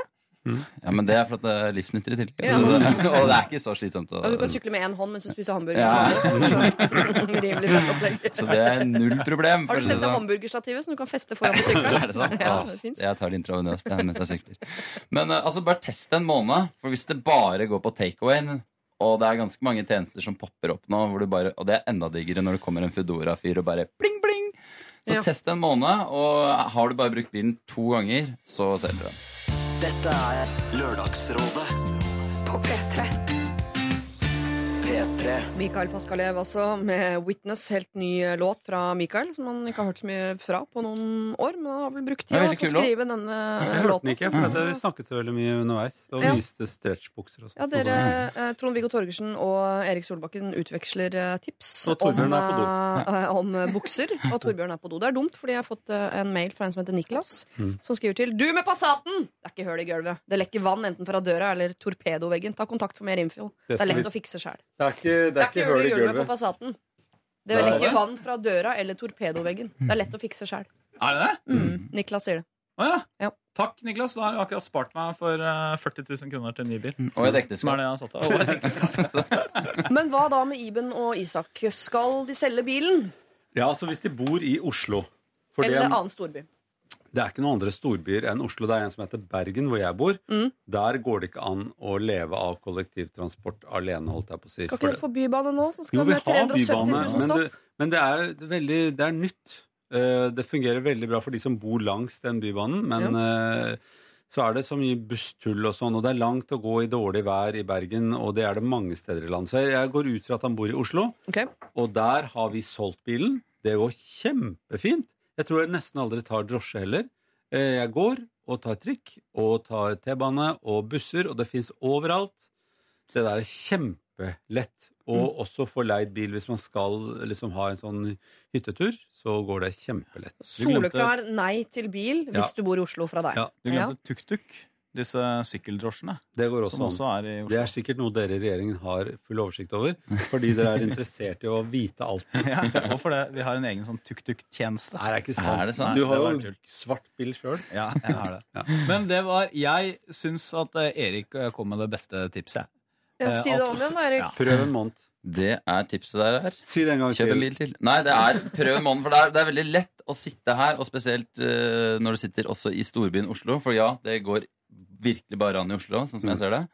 Uh, test en måned, uh, lat som du ikke har bil, uh, og prøv å komme deg hit og dit med sykkel, gå og traske eller kollektivt og sånne ting. Ja. Men jeg har lyst til å slenge på en liten ting, fordi det jeg gjorde Nå bruker jeg veldig veldig lite bil, men jeg har jo to unger. Så da er det greit å ha det package. Ja, de har jo ikke barn. Det er De jo hele barn poenget. Det er jo hele poenget. Ja, men til takeaway Og det her høres råflott ut, men uh, hvis du går sykkellei, kjøp deg en billig scooter. Jeg kjøpte meg en Ja. sånn, brukte noen tusenlapper. Den fyller du på en, Eller elsykkel. Men elsykkel er litt altså det, ja, Det er dyrere scooter, faktisk. Det er en dyrere scooter. Og er, er, elsykkel er også et alternativ. Ja. Men den følelsen søndag når du skal hente takeaway, da er elsykkel eh, Det er sikkert fint, det, men det er deilig å ha en sånn eh, og maten holder seg varm, for du sitter på maten da, ikke sant? Mm. Eh, For der er hjelmen. Det er passer perfekt til liksom fire brett med sushi og en Der er hjelmen? Så, så sushien holder seg varm. Nei, ja, men du tar hjelmen på hodet, og da er det et stort rom der du Ja, sitter. sånn, ja. Så det holder s- varmt og sånt også. Jeg har vært på Ikea med scooter, så det går fint, det. Ja, Nei. du, du kjørte hjem med Billy, du. Det husker jeg. Ja, oppslag. bokhylle på ryggsekken. Det går kjempefint. Men jeg tror, de, jeg tror de klarer seg uten. For det er bare én som kjører bil òg. For det er ofte i sånn par så er det to som har lappen, så er det, da, er det, da bruker du bilen til et eller annet. Men når det er bare han, Mm. og hun kommer ikke til å ta lappen på 100 år Og da vil jeg si, sett av de pengene sånn når du kvitter deg med bilen, sett av de pengene til å kjøpe bilen når du har bruk for det, nemlig når du får barn. For da må du ha Ja. Eller sette av de pengene på en egen konto og få doble visakort knytta til en konto, og så bruker du det på transport. For Så har du en egen transportkonto. Ibn Isak, eh, vi går ut ifra at dere bor i Oslo. Jeg hører det faktisk på navnet at dere bor i Oslo. Ibn Isak. Er bare i Oslo man heter Ibn og Isak. Eh, Selg bilen. Det høres ut som en kjempestor utgiftspost. Det høres ut som en, eh, en sånn gode dere ikke trenger hvis du bruker til å hente takeaway og noen ganger dra på roadtrip. Det er ikke nødvendig, og det høres ut som det også er grunnen til at dere krangler med nødvendig i dette parforholdet. Kvitt dere med bilen, og så kan dere heller kjøpe bil igjen om noen år. Hvis dere har råd, da. Eh, dere har fått inn et tips også på mail her eh, fra Guro, som sier at eh, både Trondheim, Bergen og Trondheim, som jo er den samme byen som Trondheim, jeg regner med at du mener Oslo, har bilkollektiv. Så det er jo også noe eh, vårt par, Iben og Isak, kan benytte seg av. Men nå skal vi til noe som handler om eh, Instagram og følelser. Og i den forbindelse kan jeg si at bildet av oss ligger på Facebook. Til dere som er venner med oss på, på Facebook. Alle i mørkeblått i dag, som en slags hyllest til Torbjørn Røe Isaksen. Eller, eller stikk, da. Eller, er eller et satirisk eh, lite stikk der, altså. Et veldig fint eh, bilde. Alle smiler og ser fornøyd ut. Eh, hei! Jeg er nyforelsket og kjæreste med en type jeg møtte for ca. åtte måneder siden. Jeg er ganske sjalu av meg, og vi har snakket en del om dette. Kjæresten min er heldigvis flink til å forsikre meg om at jeg er den eneste for han, og jeg er ikke bekymret for hva han eventuelt gjør bak ryggen min. Men jeg kan ikke unngå å legge merke til aktiviteten hans på Instagram. Han liker ofte andre jenter sine bilder, og jeg kjenner at det stikker godt i sjalusihjertet mitt. Jeg er redd han ser andre jenter og skulle ønske han var singel. Det er spesielt én jente. Han liker nesten alt hun legger ut, og alltid hvis hun legger ut pene selfies eller bilde av seg selv i bikini. Dette er også den typen bilder han liker av andre jenter. Jeg vil understreke at det ikke er modeller og så videre han liker bilder av. Det er alltid jenter han kjenner og er venn med på Facebook. Hvilket forhold han har til disse jentene før det, det aner jeg ikke. Så det jeg lurer på er, kan jeg ta opp dette med han, eller er jeg hysterisk? Er det en grunn til sjalusi her, eller må jeg bare slette Instagram og ta meg en chill-pill? Jeg skal forklare deg det, selv om du er lege, Trond-Viggo, hva en chill-pill er. Det er. Det finnes ingen bilder av meg og han sammen, verken på Instagram eller Facebook, hvis det har noe betydning. Kjæresten min er i 20-årene. Dere kan kalle meg Stalker-Stine.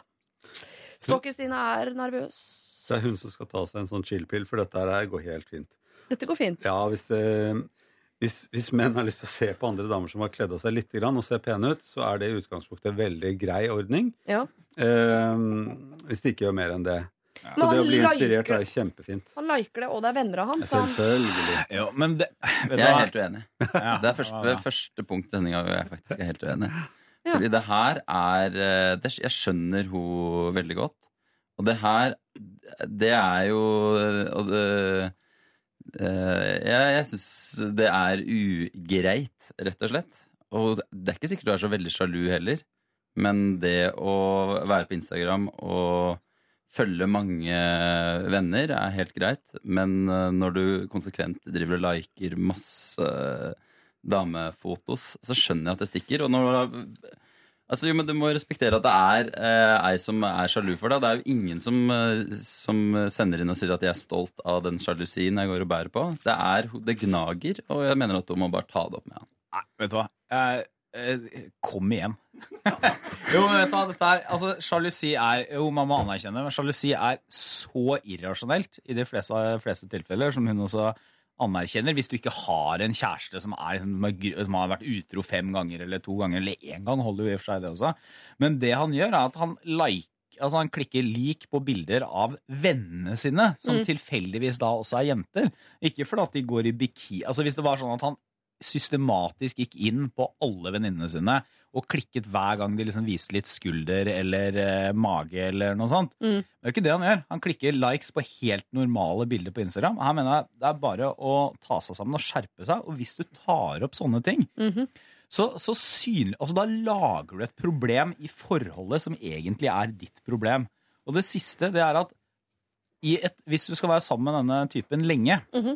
Skal gifte deg, eksempel, så må du godta at eh, et ekteskap flyter ikke på at du alltid eh, At alltid er supert å danse på roser, og du er megaforelska til enhver tid.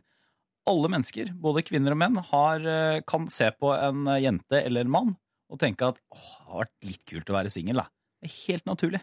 Jo, men det argumentet der er jo håpløst at det skal bli sånn. Man kan jo ikke i den startfasen hvor ting skal være rosenrødt, tenke sånn OK, vi krangler mye og ting er dritt, men sånn skal det bli på sikt Nei, men, allikevel. men det så sier hun jo ikke. Men det er jo det som er poenget her. Hun sier jo ikke at de krangler mye. Hun sier ikke at han er en type ikke sant? Hvis hun hadde sagt at han er en type, han er mye ute, jeg ser at han i skjul har prøvd å skjule for meg at han har en egen Instagram-konto hvor han følger bare jenter. Det er ikke det hun sier. Hun beskriver en helt normal gutt, mann, som da sannsynligvis er dedikert til henne og ønsker det. Men hun er sjalu, og det må, det må, om hun ikke klarer å slutte med det. Men det her er det til et problem. Altså, det fins Jeg registrerer at dere har et eh, tydelig standpunkt på, på venstre deg. Det registrerer jeg.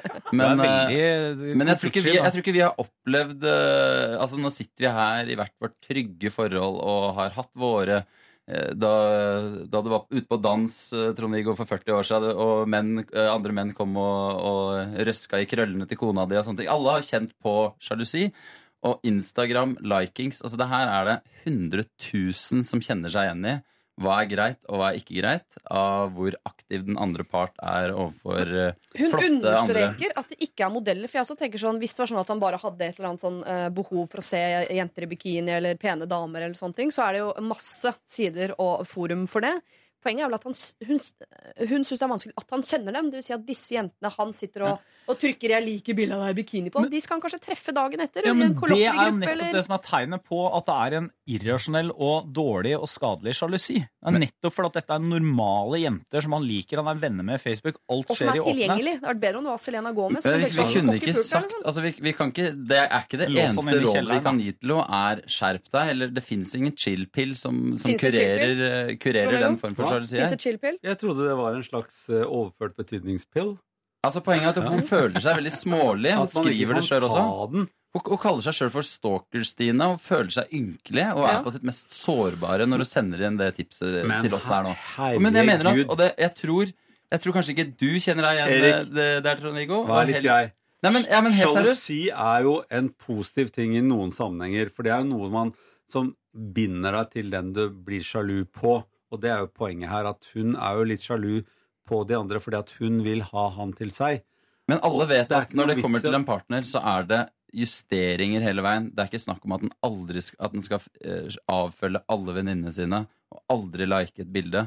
Men det kan hende han her er en fyr som hele tida gjør det, og som alltid eh, viser andre jenter oppmerksomhet. Og det gjør du ved å kjøre en like konsekvent hele tida. Og da mener jeg at det går an å snakke om det, Kan- kan jeg og kanskje bare si at det plager meg litt. Sorry, jeg er kanskje helt klin gæren, men jeg tror det er veldig bra å i hvert fall si det til han. Ta det opp med han, istedenfor å bare ta denne chill-pillen fra to veldig voksne herremenn Ja, men som mener at det er bare å skjerpe seg. Men det forutsetter at, uh, at det er noe spesielt med dette. Hvis det er sånn, Nå beskriver jo ikke hun det i detalj, men hvis det er sånn påfallende Og det ville vært det også hvis vi tre voksne menn så på det. At det var sånn Oi, det er veldig påfallende at han alltid liker akkurat disse her. Og det er bare Ja, jentene. han liker ene, aldri guttene. Alt mulig sånn. Altid. Jo, men dette er en, jo, men dette er en venninne av han. Ja. Eh, ikke sant? Altså, Mm. Jeg også liker eh, det venninnene mine legger ut på Instagram. Det betyr ikke at uh, jeg er forelska i dem eller har lyst til å gå fra kona mi av den grunn. Og poenget er at det du du gjør Nei, faktisk veldig lite. Nei, Det er er det hele tatt. forstyrrende bilde oppi dette her. Det er Altså. Men, det er, men poenget er det Erik sier, er jo at du skal på en måte gi etter for, gi etter for sjalusien din og gjøre det til et problem. Og det, jeg kan nesten garantere at det vil skape en snøballeffekt som gjør at uh, da vil han bli mer bekymra, han vil føle seg mer innelåst, han vil føle at han blir anklaget for noe han ikke føler er rimelig, og det vil ødelegge mer enn det Men når er det Ok, la meg, Jeg skal oppsummere dette nå til stalker Stine. Du spør. Er jeg hysterisk? Nei. Er det grunn til sjalusi? Nei, Det vet vi ikke. Antageligvis ikke. Det er jo tross alt en ganske irrasjonell følelse, men vi må anerkjenne den. Må jeg slette Instagram og ta meg en chill-pill? Nei, det må du ikke. Så det jeg lurer på, skal jeg ta det opp med han? Det kan du vel absolutt gjøre. Si at du syns det er litt problematisk. Det må være lov. Det betyr ikke at du er hysterisk, eller at du må ta deg en uh, Og en chill-pill. halv chill-pill kan du ta. Du kan ta en halv hvis det hjelper og gjør at du tør å ta det opp eh, med han. Men ikke vær så mistenksom, da. Gjør det med litt sånn kjærlighet. Spis sjokolade samtidig. Sånn.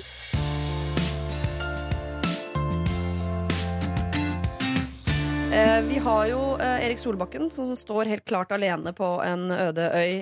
Jeg har rodd over til din øy, selvfølgelig, Erik, hvor vi eh, kjemper for de som føler på sjalusien. Og så vinker vi over til dere, da, gutter. Torbjørn Røe Isaksen og eh, Trond-Viggo Torgersen. Vært der, er ikke noe eh, lenger. nøkterne som står inne på fastlandet og ikke skjønner noen ting. Jeg er en kvinne på hvert fang og bare koser seg der inne. Skjønner ikke problemet! Ok. Jeg har hatt trekant med et kjærestepar. Det er ikke jeg nå, Siri Kristiansen. Nå leser jeg en mail. Jeg har hatt trekant med et kjærestepar. Ikke hvilket som helst kjærestepar, men min beste venninne og typen hennes. Vel å merke hooket jeg med typen hennes den første kvelden vi alle møttes for mange år siden. Dagen derpå var det ikke romantikk i luften mellom meg og han, og det ble det mellom han og henne. Det endte opp med at de ble kjærester. Det var litt kleint å ha vært intim med kjæresten til venninnen min, men det ble akseptert fra alle sin side, og vi ble etter hvert et trekløver som har hengt mye sammen.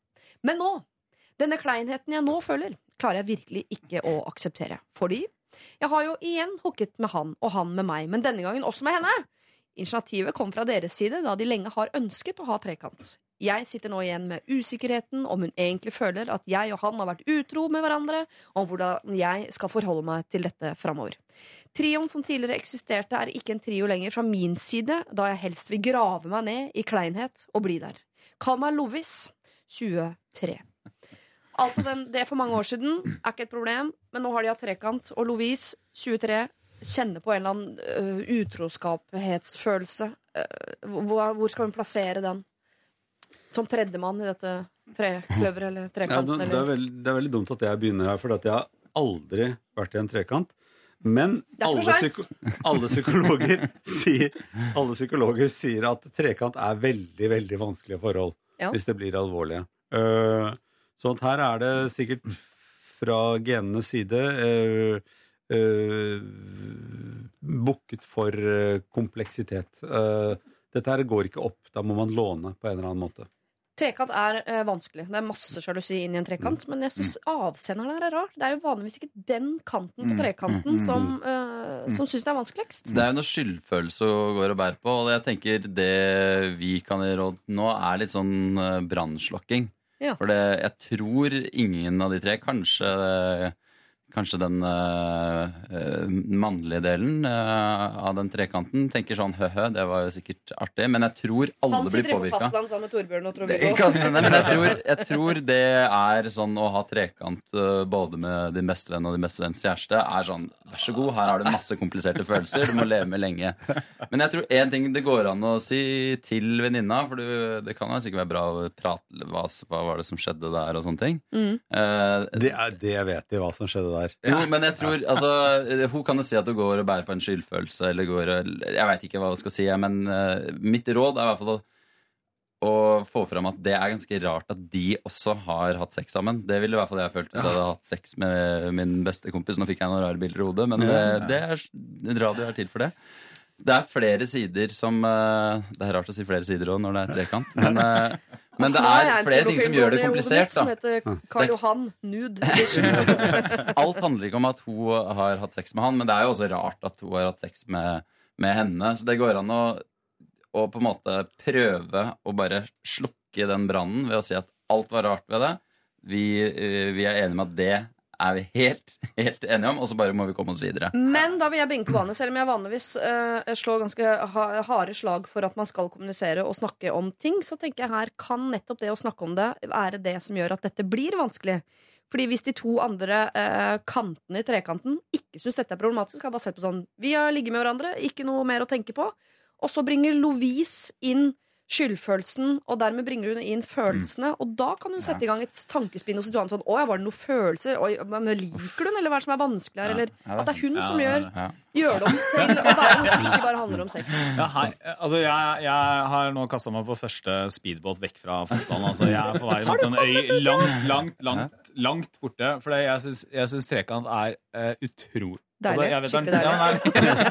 Ja, jeg vet det er noen som syns det er sånn Jeg ville aldri gjort det, men jeg syns det virker veldig pirrende. Jeg synes Det virker så Det er det minst pirrende jeg kan tenke meg. Jeg syns det virker helt forferdelig, så jeg får nesten angst bare jeg hører om det. Og så er det bare, jeg må bare si noe litt sånn konservativt. For at det er en sånn, Hva? på, jo, men eh, for at det er en sånn påminnelse om at vi tenker i vår tid at, at sex det er, noe, det er noe sånn teknisk, og man kan frikoble det fra følelser. Og av og til så går det. Men stort sett så går det jo ikke inn i det lange løpet. Så er det veldig vanskelig. Så, men hvordan hun skal håndtere dette her, det særlig hvis de altså Det kan jo hende det vil være betryggende for henne å høre at de syns det er helt greit.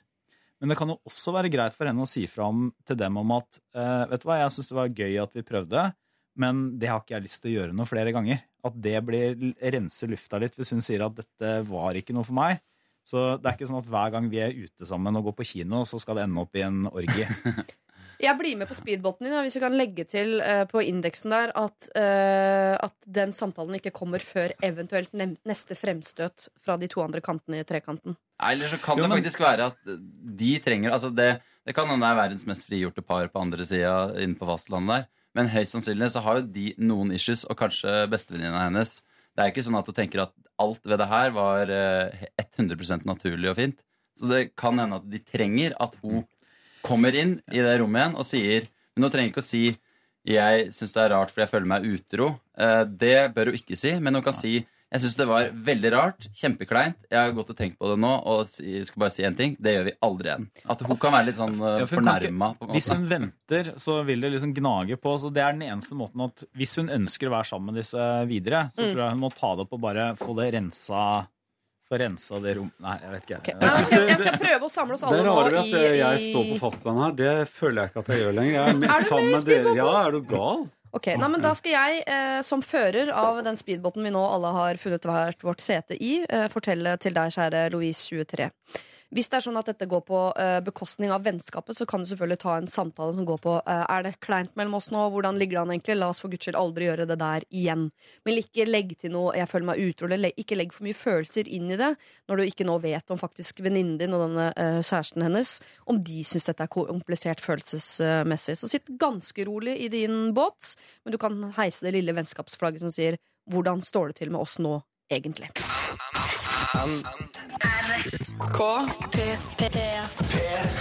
Aurora synger 'I Went Too Far', og det kan man vel kjenne seg igjen i, eller hva, gutter? Altså, vi har ikke, Dessverre, beklager, Aurora, har ikke snakka noe om det. Vi har bare snakka om trekant. Ja, det er det dere har uh, gjort. Dere klarer ikke å bli ferdig med det. Uh, og for at vi skal bare uh, roe eh, eggene våre litt, grann, så skal vi innom noe som er mindre betent enn trekant, nemlig brettspill. Før vi faktisk skal dere videre til en ny type trekant etterpå. Så dette ble et pust Oi. i bakken for dere. Mm. Eh, vi skal over til noe mer sånn kjønnsnøytralt og mindre væskefylt, nemlig brettspill. Jeg har et konkurranseinstinkt uten like og er alltid supergira på å vinne. Jeg liker ikke å tape, men eh, klikker ikke om jeg gjør det, altså. Når det kommer til kort og brettspill, er jeg svært nøye på at ting skal gjøres etter reglene. Ja, selv i ludo. Under miming skal man f.eks. ikke prate eller lage lyd, og er spillet ute etter et spesifikt svar, er det kun nettopp det svaret som er riktig. Små skrivefeil og feil i uttale går fint. Jeg er sta, men samtidig rettferdig. Gjør jeg eller lager mitt feil, eller ikke følger reglene, ja, så innrømmer jeg det. Nå nylig var jeg på spillkveld med en god vennegjeng. Vi spilte et kunnskapsspill, og dette spørsmålet kom. Hva heter den landsdekkende foreningen som ble etablert i 1938 og jobber for å forebygge og bekjempe kreft? Motstanderlaget svarte da Norsk Kreftforening, etter at de hadde diskutert en stund om det kanskje heter Den norske kreftforening eller Kreftforeningen. De svarte altså Norsk Kreftforening, hvilket er feil! Kreftforeningen er riktig svar, også ifølge spillkortet. Og dette ga jeg meg ikke på. De svarte etter min og mitt lags mening feil når de slengte på norske, og kunne derfor ikke få poeng for dette svaret. Det endte med at motstanderlaget ikke fikk poeng. De var totalt uenige og mente at jeg var urimelig og burde av og til være den som gir seg. Jeg er ikke av typen som blir sur eller langsint, men sier klart ifra om hva jeg mener. Det skal nevnes at alle rundt bordet var like interessert i å vinne som meg. Stemningen var god igjen etterpå, men det irriterer meg at folk skal vike fra reglene på sånne ting.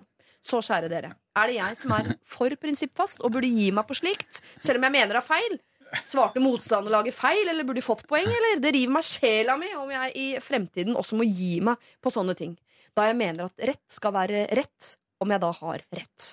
Og om folk sier 'husk, det er jo bare et spill', så blir jeg ikke mindre irritert, for å si det sånn. Kall meg gjerne Rita. Kan jeg spørre et oppklaringsspørsmål? Ja. Mm. Oi, det var gøy at det var jente. Mm. Oh, ja. Veldig gøy. Ja. Uh, men eh, eh, det sto altså i spørsmålet at det var en forening som ble startet i 1938 for å bekjempe kreft. Ja. Mm. Ja. Ja. Vet du hva, jeg er, jeg er enig med Rita. Altså, Da må man si helt riktig, fordi at det heter et eller annet Kreftforeningen. Ja, og, det er for og sånn i liksom. generell innfallsvinkel til spill. Eh, eller jeg, jeg sitter ikke og hevder at det skaper mer hyggelige spillsettinger, bedre stemning, eh, eller noe som helst sånt. Jeg er bare helt grunnleggende magefølelsen min sier ja, du må svare korrekt og presis, og det er viktig å vinne spill. Og det er ikke lov med sånn småjuks hele tida. Altså, Oh, Vi jeg sammen. leder jo et program som er et, eh, det eneste program på radioen som har noe med sånn spill å gjøre, 20 spørsmål, Mm. som går ukentlig. Og jeg er jo kjempeslapp, merker jeg nå, at jeg slipper gjennom ting og leder folk fram mot uh, fordi det skal være gøy. Mm. I mitt forhold til spill er at det skal være gøy, ikke nødvendigvis skal være så veldig harde regler. Nei. Og litt uh, For 20 spørsmål kunne hett eh, 35-ish spørsmål. Kunne jo Men programmet det hett. vi får, er 20 jo slappe svar, heter det. Nei, nå er dere veldig, veldig lumpne. Nei, men Fordi det er at det vi som er får gøy, jo jeg er helt enig, det er det som er stadig gøy. sånne, eh, sånne eh, mail som er sinte. Vi burde følge reglene mer. Det er bare at jeg skal si ja eller nei. Punktum. Det hadde blitt Ja. et veldig kjedelig program hvis Ja, det er jeg bare for sa ja, nei. Punktum. Sånn. Ja, punktum. Mm. Så vær så god, Erik Erik. rekker hånda i været. ikke Eh. Jeg støtter Rita 100 her. Oi. Altså når, det er, eh, når du får høre at det er en, eh, en organisasjon som ble stifta i 38, eh, som jobber for kreftsaken, eh, så blir det feil. Altså Da vet jo alle at det har noe med kreft å gjøre, så du kunne nesten sagt Norsk Kreft eller Norsk Kreftforbund eller Ja. eh, Så der må du være presis. Men hvis spørsmålet hadde vært eh, Vi skal fram til Eller du får navnet på lederen i Kreftforeningen. Mm. Uh, som jeg ikke vet Vet du det? Vet dere det? Ja, det Anne Lise Ryel er gen- praksisleder. Nå, ja, ja. men det er bra. Da vet en av oss Men ikke i 1938. Da, vet jeg ikke. Nei, men hvis, hvis det hadde vært spørsmålet uh, Hun er leder for en uh, kjent organisasjon i Norge. Mm. Hvilken? Da ville jeg akseptert Norsk Ja. Kreftforening. Ok, det er, veld, det er utrolig konkret og fint av dere å svare på det spørsmålet. Da får hun ryddet det ut av hodet sitt. Men det jeg henger meg litt opp i her, er at det blir nevnt av og til burde du være den som gir seg. Eh, Gir deg. Det er det noen som har benyttet anledningen til å fortelle til Rita. Ergo er Rita en som sjelden benytter anledningen til å være den som gir seg. Er det noe hun i større grad av og Ja, til men kanskje bør gjøre? her, her tror jeg, jeg, jeg Følelsesmessig eh, så er jeg 100% på linjen til Rita. Eh, jo da, spill skal være gøy og sånn, men du skal også følge reglene og vinne. Hvis ikke så får du gjøre noe annet som er gøy. Uten regler. Men Sier eh, en mann som sitter i regjeringen. Ja. Så det er veldig Du skal følge reglene. men så Dette er det lover om, faktisk. Påbud. Nei. Men, eh, men samtidig, hvis man skal være litt selvkritisk, og man vil jo alltid strebe etter å bli et bedre menneske, Mm. så bidrar man jo ikke til bedre stemning eh, av å alltid være den som flisespikker på reglene. Og så er det jo heldigvis en god etablert praksis for hva man gjør i til, slike tilfeller. Man Mm. gir et halvt poeng. Det er kompromisset. Ja, men det er jo som et som ikke-poeng. Ja, du, ja, for du, veldig- du, er ikke, du er ikke villig til men, jo, men jeg er enig i det. Og så eh, har jeg bare lyst til å gi ett tips til Rita. Fordi jeg syns alltid det er fantastisk når noen tar den kjipe rollen. Det er jo det beste er jo å kunne sitte der både å være sympatisk og så kaste seg på noen diskusjoner, men ikke være den som alltid kjører. Skal være Kreftforeningen, eller så er denne kvelden over. Så tipset mitt er eh, vær det sånn 50% av gangene. For du må ikke alltid ta den, eh, den rollen. For da er det alltid noen som gjør det, og som får det derre kjipingen i hjørnet. Det er nok av kjipinger som kan ta den rollen. Ja. Så prøv det, deg- men da må hun si det til seg sjøl, Fordi det er det som er greia. Eirik, Hun kommer til å dette inn i den Erik, nå skal hun si noe. ting. Ja, men jeg bare prøver å konkludere. Ja, Så til alle ryttere, lyttere, er ha en fortsatt fin dag. Stikk over underholdningsavdelingen. Rita, Siri? vi skal straks uh, inn i en ny trekant, folkens. Eh, så eh, ta dere en pust i bakken mens jeg uh, gir en konklusjon. Rita, akkurat på det spørsmålet der så er vi enige med deg om at der må de svare det som står bak på kortet. Men tenk litt på den setningen 'av og til være den som gir seg'. Det kan være greit å være den som gir seg av og til, uansett hvor mange prinsipper man burde ha. Lykke til! P3. Vi har allerede vært innom en trekant som handler om eh, det seksuelle. Nå skal vi over i en trekant som Ingrid, innsender her, ikke vil befinne seg i. Det er faktisk overskriften på mailen hennes. En trekant hun vil unngå. Kjære Lørdagsrådet. Min kjæreste og jeg har vært sammen i to år, og de siste seks månedene har dette vært et avstandsforhold. Vi bor i forskjellige land, og med flere jobber, trang økonomi og studier er det ikke alltid så lett å få sett hverandre så ofte som vi vil. Vi fungerer bra sammen og er enige om at kjærligheten og respekten er det beste for oss når vi er borte fra hverandre. Han er ikke av den sjalu typen, eh, da det heller er jeg som i overkant kan tenke litt på det. Bestevennen min og jeg bor i samme by, og vi ser hverandre hver dag. Vi jobber sammen, og vi jobber tett sammen. Han kan dere kalle Lasse. Vi er begge fysiske av natur og kan godt ligge i hverandres armkrok mens vi ser på en medium god film. For noen uker siden fortalte han at han har vært forelsket i meg i sommer, men at det har gått over, og at det ikke ville påvirke forholdet vårt. Ei heller at det burde påvirke forholdet mitt til kjæresten min. Innerst inne har jeg nok merket det på han. En uke senere endte vi på en skikkelig fyllekule sammen, der han slapp bomba, nemlig at han elsket meg. At jeg var den eneste for han, og at han skulle gi meg alt jeg vil ha, og dersom det var opp til eh, han, så hadde vi giftet oss. Jeg kunne ikke si at følelsene var gjensidige til han, så vi klemte ganske lenge og pratet ikke noe mer om det. Han fortalte at forelskelsen hadde vart i halvannet år, men at har, at han har gitt seg selv fem år på å vente på meg, eller skråstrek komme over meg. Han har tre og et halvt år igjen. De neste dagene kunne jeg ikke tenke på annet. Alle de gangene vi har vært sammen. Vi har tullet med hverandre som bestevenner gjør, dratt på tur, vært på middag sammen og hatt flere fyllekuler med masse dansing og moro. Jeg har nok hatt en litt flørtete måte å være på, og jeg har vært oppe i noen situasjoner der fyren har mistolket tegn fra meg på en feil måte. Men det at vi er bestevenner, eh, gjør ting så annerledes. Vi hadde en god prat i edru tilstand noen dager senere. Der han trengte, det han trengte å høre for å gå videre, var at jeg skulle si nei, du og jeg kommer aldri til å bli sammen. Og det sa jeg også til han. Jeg elsker han jo, men på den måten at jeg har lyst til å ha han i livet mitt for alltid, sånn at jeg kan slå han i kortspill eh, i en alder av 80 år. Jeg elsker også kjæresten min, men på den måten at jeg vil videreføre genene hans og få boliglån med han. Bør jeg si noe til kjæresten min? Jeg har så lyst, men jeg vet ikke hva godt det kan bringe. Det at jeg skjuler noe så stort fra han, gjør meg likevel gal. Han og Lasse har et helt ok forhold, der de har meg til felles. Vi er ærlige med hverandre, selv om det sårer, men dette er jeg redd skal føre til sjalusi. Hilsen Ingrid. Ja, dere! Oi. Ja, da ble det stille, for dette, dette, her, dette var jo både veldig emosjonelt og veldig viktig.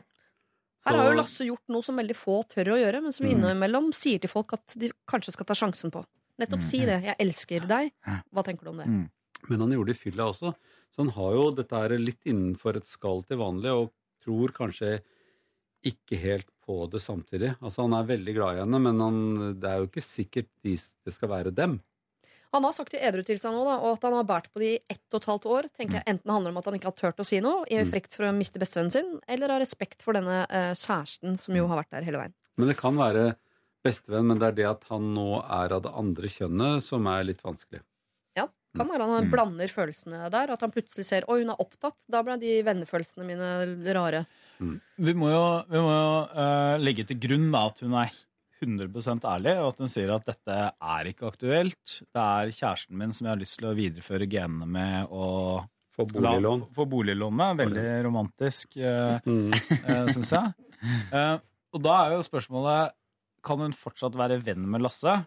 Og det tror jeg ikke hun er villig til å gi opp, så hun kan det hvis han kan det. Det mener jeg. Men skal hun si det til kjæresten sin? Mm. Og det er, Vi har jo snakket litt om sjalusi tidligere, og jeg var veldig streng på eh, det jeg kalte irrasjonell sjalusi.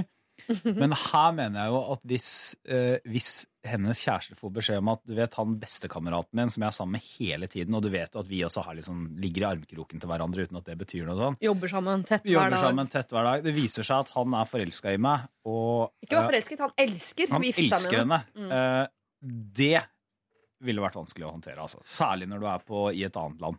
Ja.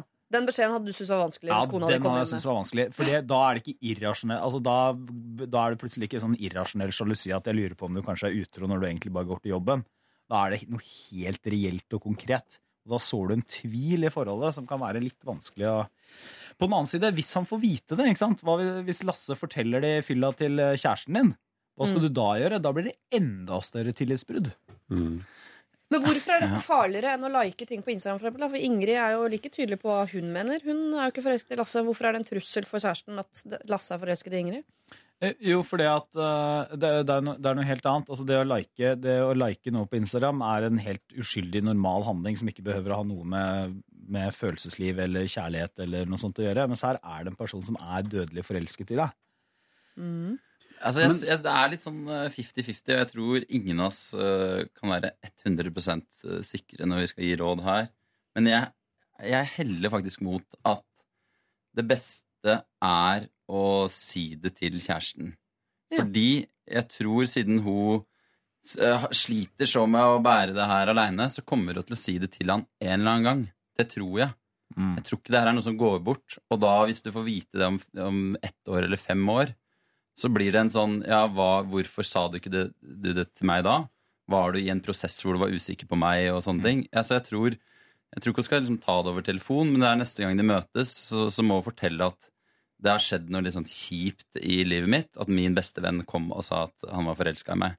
Eh, som har Og egentlig eh, la det handle om, om at det har vært en stor utfordring for, og er en stor utfordring for uh, vennskapet dem imellom. Mm. Og at hun uh, sier da at hun da har fått dårlig samvittighet overfor han, uh, men er 100% ærlig som hun er her nå, så tror jeg at han har forståelse for at det er en kjip situasjon. Jeg tror ikke det er sånn at han kommer til å nokke ned Lasse. Eh, Jeg tror det er litt sånn Jeg tror kanskje de kan komme styrka ut av det. Og at de For hun må jo også finne ut av hvilket forhold hun skal ha til, eh, til Lasse. Og da tror jeg det er bra å ha med kjæresten på laget. Så Erik, du mener at Ingrid skal snakke med kjæresten sin om dette. Uh, Trond-Viggo, mener du at Ingrid skal snakke med kjæresten sin om dette? Er det et spørsmål? Ja. For at jeg vil jo være i den der det kommer an på-klassen her. Da er du i Det kommer an på klassen. Torbjørn Røe Isaksen, mener du at Ingrid skal snakke med kjæresten sin om dette? Hvis jeg må velge, så tror jeg ja. Jeg lot meg overbevise av Erik. To på snakk, én på Det kommer an på. Det kommer an på, for det var vel kommer, Det kommer an på som var mitt hovedargument. Hun måtte tenke litt på at hun er jo en jente, og hun kan ha en, et, et ståsted hvor eh, hun kanskje tenker annerledes på det enn de to guttene tenker på det. Eh, Det ville vært veldig risiko hvis de to får eh, aktivert sine latinogen og ryker rett i tottene på hverandre, og ingen vil ha noe med henne å gjøre. Ja. Som Så hun kunne ødelagt hele byggverket på et vis. Så hun må da vite hvordan eh, de på en måte vil reagere hver for seg. Kanskje hun burde tenke gjennom det før hun liksom krøsjet egget. Det var det jeg tenkte på. Det jeg syns er litt uh, påfallende ofte med, med Eller i denne saken, det er at uh, hun sier at hun kunne godt tenke seg å ha Lasse der når hun er 80 år for å spille kort med å vinne over i kort. Mm. Og det kunne også vært en beskrivelse av et livslangt kjærlighetsforhold. Altså Ja. Det som er litt spesielt, er jo at uh, å være gift med noen er man jo ofte fordi at det er også din beste venn. Uh, og, og det er ikke så ofte altså Ofte så kan det være litt sånn vanskelig. Hva er det som er fors- Han Lasse kunne sikkert også sett for seg at og håper vi kan gjøre akkurat dette. Når vi er 80 år, så sitter vi og spiller kort og har det koselig, men vi har vært eh, sammen, gift, romantisk. Så hvordan, eh, hvordan, hvis man som veldig, veldig nære venner eh, har den ene som blir forelsket, hvordan man skal klare å få opp den gordiske knuten der, det er eh, vanskelig. Så hva hun skal si til Lasse som, som gutt, som til og med da har vært veldig ærlig og åpen og fortalt dem dette, det, det syns jeg er vanskelig å vite. Jeg tenker en ting, Det Lasse gjorde i det øyeblikket han fortalte Ingrid, eh, sin beste venninne, at 'jeg elsker deg' eh, på den måten som ikke venner elsker hverandre, men på den måten som at 'jeg har lyst til å gifte meg med deg'. Det han har gjort da, er at han legger på en måte vennskapet dem imellom Det legger han litt i potten. For det kan ryke når du står fram med noe sånt, men han har valgt at kjærligheten er viktigere, så jeg legger det i potten, og så ser jeg hvordan det går.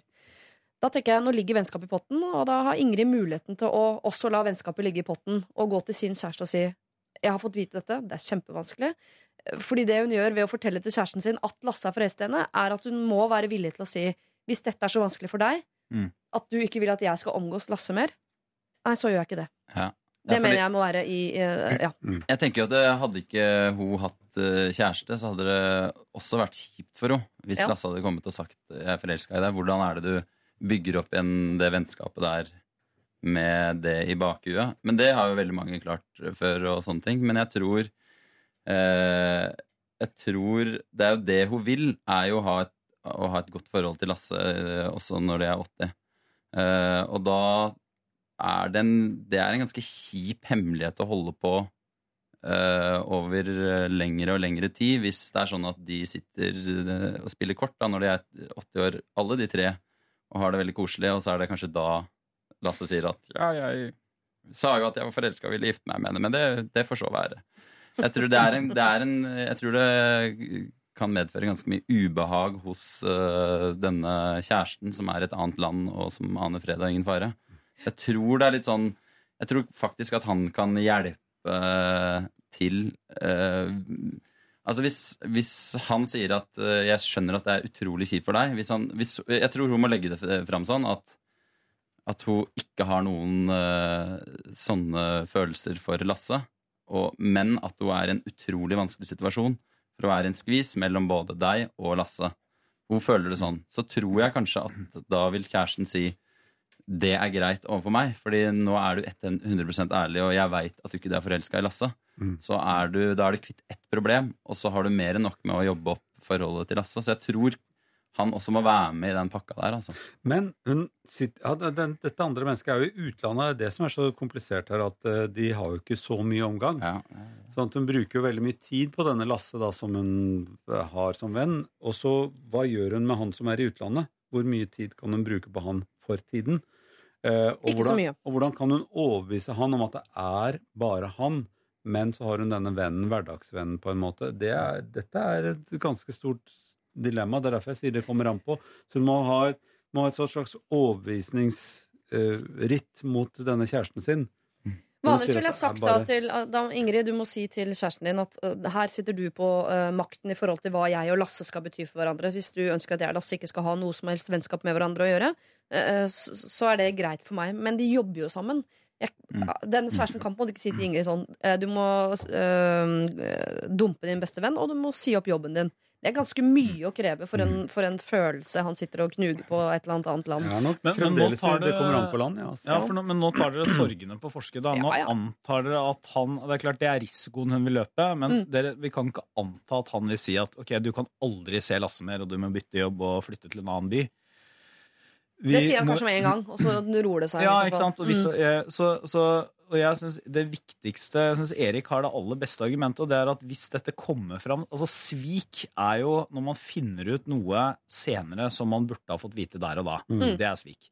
Og den beste argumentet, hvis man ikke hvis man, om, om enn bare er kynisk for å være ærlig på ting, det er jo faren for at noen finner det ut senere. For da blir det så utrolig, utrolig mye verre. Da har du Så da må skjult Du må dra til han, eh, kjæresten sin. eh, dra til han og si 'jeg er nødt til å dra til deg, for jeg har noe som er så kjempeviktig', og Ja. det vil jeg dele med deg når vi er sammen. Da kan jeg være på Ja. linje med Erik. Men så kan det være et godt tips å kanskje også si til Lasse at jeg tror det, de gjør det smart i å ikke henge så mye sammen utafor jobb i en periode. Jeg tror det sånn Uavhengig av at hun har kjæreste eller ei, så tror jeg det er bra for dem at de, de blir enige om at vi skal være kjempegode venner når vi er 80 år, men nå trenger vi litt eh, hver for oss. Og fortsett å være tydelig på det eh, du allerede har sagt. Nei, du og jeg kommer aldri til å bli sammen. Og slutt med de der eh, flørtete måtene du er på Ja. overfor han. Så ikke han går hører Nei, det blir ikke oss. Men du lå jo på armen min og går og så på Ja. film. De signalene der de må du slutte med. Du må gi entydige signaler som går på vi er venner, men vi kommer aldri til å bli kjærester. Og- Du Ingrid, må sette deg på et fly, reise ned til kjæresten din, fortelle dette som Lasse har fortalt deg, og så må du eh, la kjæresten din få lov til å være med og bestemme hvilken framtid dere har. For du spør hva godt ville det bringe? Vet du, Det vet jeg ikke, men det vil ikke bringe noe godt å ikke fortelle det heller. Dere er ærlige med hverandre, og det skal dere fortsette med. Har du et problem, send det inn. lralfakrøll.nrk.no er adressen du bruker. Dette er Er P3. Det er siste problem i Lørdagsrådet i dag, eh, gutter. Eh, Orker dere? Er spiriten oppe? Ja, ja. Ja, ja. Vi skal til Tyskland. Forsvant nå av spiriten? Nei da. Mm, ja. Er det påskenøtter? Eh, Vi skal til Tyskland. Nei, der møter du en kar. Hva skal vi si? Marianne, 27 år her, eh, vil først og fremst si for at hun er fast lytter og har hørt alt av Lørdagsrådet. Det er en grei opplysning å få med. Jeg bor og jobber i Tyskland og har akkurat flyttet, flyttet inn i en sinnssykt fin og ny leilighet med to gutter jeg ikke kjente fra før. Første gang jeg var med en av dem alene, ga han meg eh, skikkelig creeps. Altså, jeg tenkte red flag. Men jeg tenkte at det kommer til å gå seg til. Det gjorde det ikke. Han stiller seg alltid altfor nærme når vi står og prater. Han følger etter meg inn på rommet, selv om jeg gir hint om at jeg vil være alene. Jeg må alltid si 'nå må du gå ut', eh, eller 'jeg skal skifte', før han faktisk går. Det hender han banker på døren når jeg roper 'give me a minute', og han kommer inn allikevel. Han spør alltid hva jeg skal, hvem jeg skal være med, og gjerne teite etterfølgerspørsmål som 'skal du være alene på en lørdag', selv om jeg har sagt at 'jeg vet ikke hva jeg skal ennå'. Han går i bar overkropp hele jævla tida, selv når jeg har venninner på besøk, og det friker dem ut. Og han er ikke akkurat noe glansbilde i baris heller. Les chubby, kvisete og hårete. Jeg har virkelig prøvd å legge godvilja til og har bestemt meg for at jeg skal like han. Leiligheten er fantastisk, og jeg nekter å flytte ut pga. han. Vi har hatt noen gode stunder, men det veier ikke helt opp. Han irriterer meg noe så inn i hellegrisen hele tiden, og sånt blir jeg sur. Og jeg vil ikke være sur! Tror han egentlig er helt sinnssykt selskapssyk og med noen ødelagte sosiale antenner. Han vil gjerne nemlig at alle tre skal finne på noe hele tiden, men verken jeg eller han andre har noe behov for det. Her om dagen hørte jeg plutselig høylytte stønn fra stua, og jeg trodde helt seriøst han lå og masturberte. Jeg tenkte dette er ikke greit. Jeg gikk bestemt mot kjøkkenet for å late som om jeg skulle hente noe, for så å bøste han.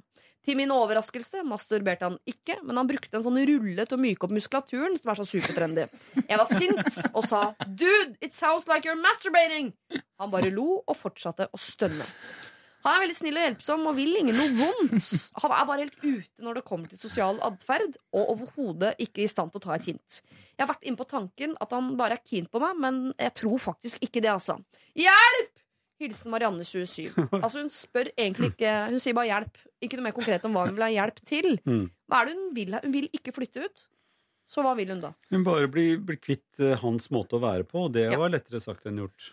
Forandre han, da. Ja. Går det? Hvordan Nei, gjør du det? det går ikke. Nei. Det er jo to, to muligheter. Det er ikke to uh, mennesker. Men det er jo, du kan jo bo i en fin leilighet med en uh, kjip fyr, eller bo i en uh, kjip leilighet med en uh, fin personlighet.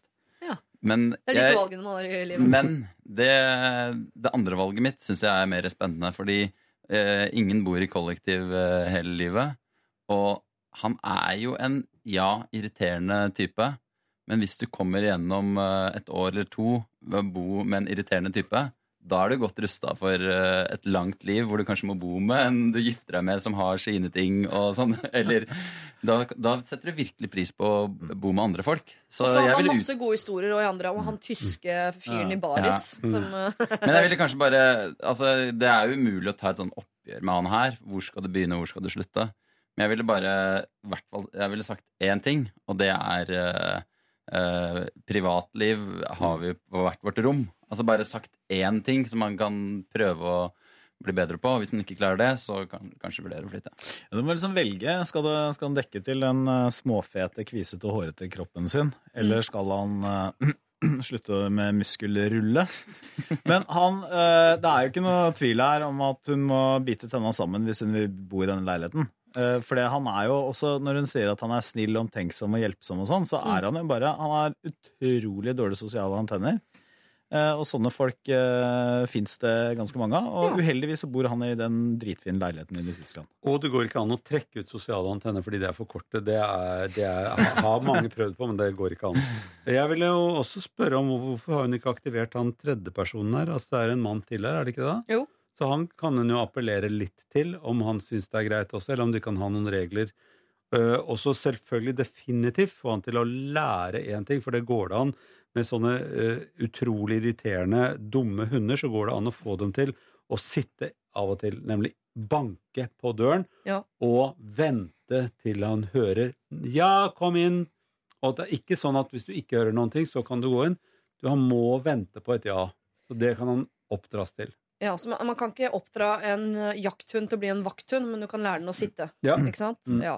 For det, det tenkte jeg altså, Du kan ikke forandre han, men du kan jo forandre forholdet dem imellom, eller forandre reglene i huset. Reglene. Altså Til og med folk med korte antenner eh, adlyder jo helt sånn Mm. eh, greie, Mm. tydelige beskjeder. Så hun må bare lage et sånn regelsett for hva som er greit og ikke greit i dette hjemmet. Et lite regelsett. Ja, hvor han er jo men- dum nok til å ikke skjønne dem likevel. Så hvis, hvis det er veldig viktig at hun skal ha den døren skal bety noen ting, så må hun lære han opp til at man banker og venter til hun hører ja, og det er det samme på tysk og norsk, så det skal gå ganske greit. Men hvis vi holder oss til det hundegreiene, for jeg er nysgjerrig på hvordan hun skal få det til. Eh, Det, enten så gir man jo hunden støt når den gir feil, eller så gir man den godteri når den gjør noe riktig. Hva gjør Er man det, med er det vanlig å gi hundene støt hvis de gjør noe feil? Slemme Ja, mennesker gjør sikkert det. vanlig. Gjør man det? Ja. Ja, det er veldig vanlig. Eller så gir man jo det var lov, klikkelyd som man bruker for å ja, for belønne dem. trodde det var mer Også sånn kalt støt. Også kalt støt. Jo, men Hvordan skal Marianne oppdra denne mannen med disse korte antennene? Hun har jo sagt fra før. 'Give me a minute' for eksempel, er en ganske kort og grei beskjed. Det forstår ikke han. Og Den er til og med på det eh, internasjonale språket engelsk. Altså, jeg tenker Den er grei å si. Altså, Det er uh, lakmustesten her. Hvis du sier Og da kan du gjerne pakke det inn òg. Hvis han er helt stokk dum, så kan du si eh, beklager, men jeg har behov for et privatliv. Kanskje mer enn deg og mange andre. Men du må, du kan ikke bare brase inn som Kramer på, på rommet mitt uh, annenhver dag. Det, det, det går ikke. Da, da, må, da må jeg flytte på meg hvis ikke du respekterer det. Mm. Og så gir du den en måned og ser om han klarer å respektere det. Og muskelrulle og bar overs og sånne ting. Altså Om et par år, når du har rekkehus eh, Nordstrand og lever det livet, så kan du mimre tilbake til han eh, kvisete tyskeren som gikk rundt. Da er det faktisk litt mer eh, på sjarmkvote at du klarte å leve med en sånn fyr. Ja, man må få lov til å bruke muskelrulle på Ja. kjøkkenet. Ja, Det er ikke lov å altså. si nei til Det Nei, på fins altså, det finnes er folk vel- som tar folk i og faktisk eh, hva, hva heter det på en sånn fin måte? Ta en stille andre og en stille andre, eller noe sånt. nå, Er det ikke det? Jo, det var veldig pent. Jeg vet ikke om jeg kan si Kan, kan man ikke si runke i dette programmet? Går ikke det an? Jeg har allerede sagt masturbere. Ja, Ja. ja, Masturbere er så ekkelt. synes jeg. Runke eller dra han, eller si hva dere vil. Ja. Så han er et så, et så stort problem. Hvis du klarer å få han til å ikke brase inn på rommet ditt, så tror jeg det begynner å bli litt bedre. Hører Ja, det for det høres jo litt ut som Marianne nesten ble skuffa når han ikke runka Ja. på kjøkkenet, for da hadde hun endelig Ja. en sånn ordentlig sånn Men, men, eh, men er det eh, Jeg syns jeg hører noe annet her også. Og det er en viss For at denne e-posten Hun har begynt å skrive den, og da er hun bare irritert på han. ja. Eh, veldig sur og alt det teite og sånn. Men så kommer det litt inn at han han er kanskje veldig selskapssyk. Han er jo egentlig hun føler sånn åh, nå er jeg jo veldig slem. Han er jo egentlig veldig snill og grei og sånn også. Mm. Så at hun kanskje føler i seg også et lite behov for å hjelpe han litt. At hun får litt dårlig samvittighet ved at han kanskje han ikke har så mange venner. Da, har lyst til å finne på noe med kollektiv og syns det er supert og sånn. Og det, eh, det kan jo hende du kan gjøre det en gang iblant. Men det er litt farlig også hvis du skal både prøve å forandre han og eh, prøve å, å hjelpe han å være vennen hans. Da har du plutselig fått deg Når du flytter til Norge, så plutselig er han en som kommer på ferie i to uker, for du er den beste vennen han har hatt i hele livet. Mm, og det er den ene Ja. tyskeren uten bobil, så han skal bo inni leiligheten din. Ja, man, må, man må oppføre seg litt Tenk på han som en hund. Kan være koselig. Ikke hoppe, ikke hoppe. Sitt utenfor døren til jeg kommer. Ja. Og så klikk, klikk, klikk, klikk. Og så ta, kose litt på hodet. Ferdig med kosing. Så altså, få han til å sitte utenfor døren. Ja. Og gulrota hennes er at det er jo toppen av mestringsfølelse hvis du klarer å bo med en sånn person uten å gå og irritere deg over det hver dag. Mm. Hvis du gjør det, da bør du flytte, for da gjør du noe med din egen personlighet. Men altså, koble inn han andre fyren. Nei, han, øh, han må ikke koble inn ikke eh, det? nå. Nei, for det har vi ikke tid til. Men okay. eh, Marianne, du kan eh, Du må gi han noen tydelige beskjeder. Tenk, tenk på han litt som en hund. Liksom Oppdra han til noen helt sånn tydelige, enkle ting, sånn at dere får noen kjøreregler for hvordan dette skal fungere i det, eh, dette kollektivet.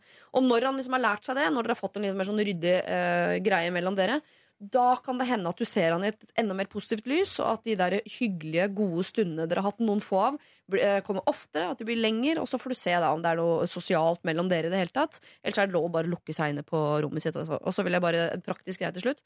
Det er lov å få seg nøkkel, da. Dette er Dette er P3. Hallo! Vi glemte at vi var på radio litt. Vi sitter og snakker om halloween. Det er prematurt, eh, folkens. Mø altså med sin drum var det, og vi skal dele ut en eh, kopp her i Lørdagsrådet før dere kan eh, gå sammen på kafé og snakke litt mer om halloween, gutter. Jeg kjenner at det, det brenner litt under beina deres der. Ok, hvem skal få kopp? Er det Ulrik eh, som kanskje skal gifte seg med sin samboer? Eh, skal han da bruke dressen han fikk sydd til eh, sitt forrige bryllup som aldri ble noe av? Eller er det Mari som skal få en eh, kopp? Hun lurer på om hun skal fortelle pappaen sin at du, pappa, jeg har aldri likt hun nye kona di. Det er derfor vi ikke har noe særlig kontakt. Hva med Iben og Isak, som lurer på om de skal kvitte seg med bilen, og fikk beskjed om at ja da, det skal de. Eller kanskje stalker Stine, eh, som eh, har fått seg kjæreste, vært sammen i åtte måneder. Og han driver og liker eh, alle bilder av venninnene sine hver gang de legger ut selfies eller bilder i bikini. Hva med Lovise, som føler seg utro etter at hun har hatt trekant med et vennepar? Noe hun jo overhodet ikke har vært. Rita har er veldig opptatt av å vinne i brettspill. Da. Eh, og eksempelet hun kom med, der var vi enige. Der hadde du rett, Rita, men du kan kanskje eh, rulle inn litt grann sånn ellers. Ingrid eh, hun eh, har sendt inn en mail hvor hun eh, er i et avstandsforhold med sin eh, kjæreste. Og så har hennes beste venn, som bor der hun bor og jobber der hun jobber, fortalt at 'jeg elsker deg, jeg vil faktisk gifte meg med deg'. Skal hun fortelle det til kjæresten sin? Og til slutt altså Marianne, som må leve i et eh, tysk bofellesskap hvor den ene tyskeren, ja da, han hårete og kviste som alltid går i bar overkropp, og som bruker muskelrulle, ikke har sosiale antenner på toppen av det hele. Hvor lang tid tar det å sende en sånn kopp? Hvor, hvor raske er dere? Tenker du Tyskland da? Nei, nå tenker jeg å, å sende sånn at hun, Ingrid kan ta den med til kjæresten sin i utlandet. Hun, hun må jo komme seg av gårde ganske raskt. Vi klarer å sende kopper fortere enn Ingrid klarer å stable en flybillett på beina. Ok, Ja. det er fint. Mm. Da har jeg min eh, kandidat klar. Å ja, men du, ikke, du sparer det? Men det, er, det er Ingrid. Det er. Ingrid. Ingrid ja. Mm. Ja, det er jo den du jeg, Det er den jeg syns mest synd på, som jeg eh, ofte stemmer på kopp, send kopp til. Ja. Og bil og brettspill er sånn Det, Det klarer man å finne ut av, tror jeg. tyske over, overkroppsfliken Ja. også. Ja. Kanskje han skal få en bonuskopp? Bare sånn, sånn der, I got this cup from Norway. Men jeg, jeg syns at det er eh, det kjipeste noen står i, etter dagens sending, er jo Ingrid, som skal Som har to til gutter som har forelska seg, i motsetning til hun som har en pappa hun ikke har kontakt med. Mm. Hun Spilte på pappastrengene mine, Ja. Men eh, ja, nei, jeg stemmer på Ingrid. ja. Ja. Eh, Jeg, eh, det er jo litt, jeg syns ofte man skal belønne de beste problemene.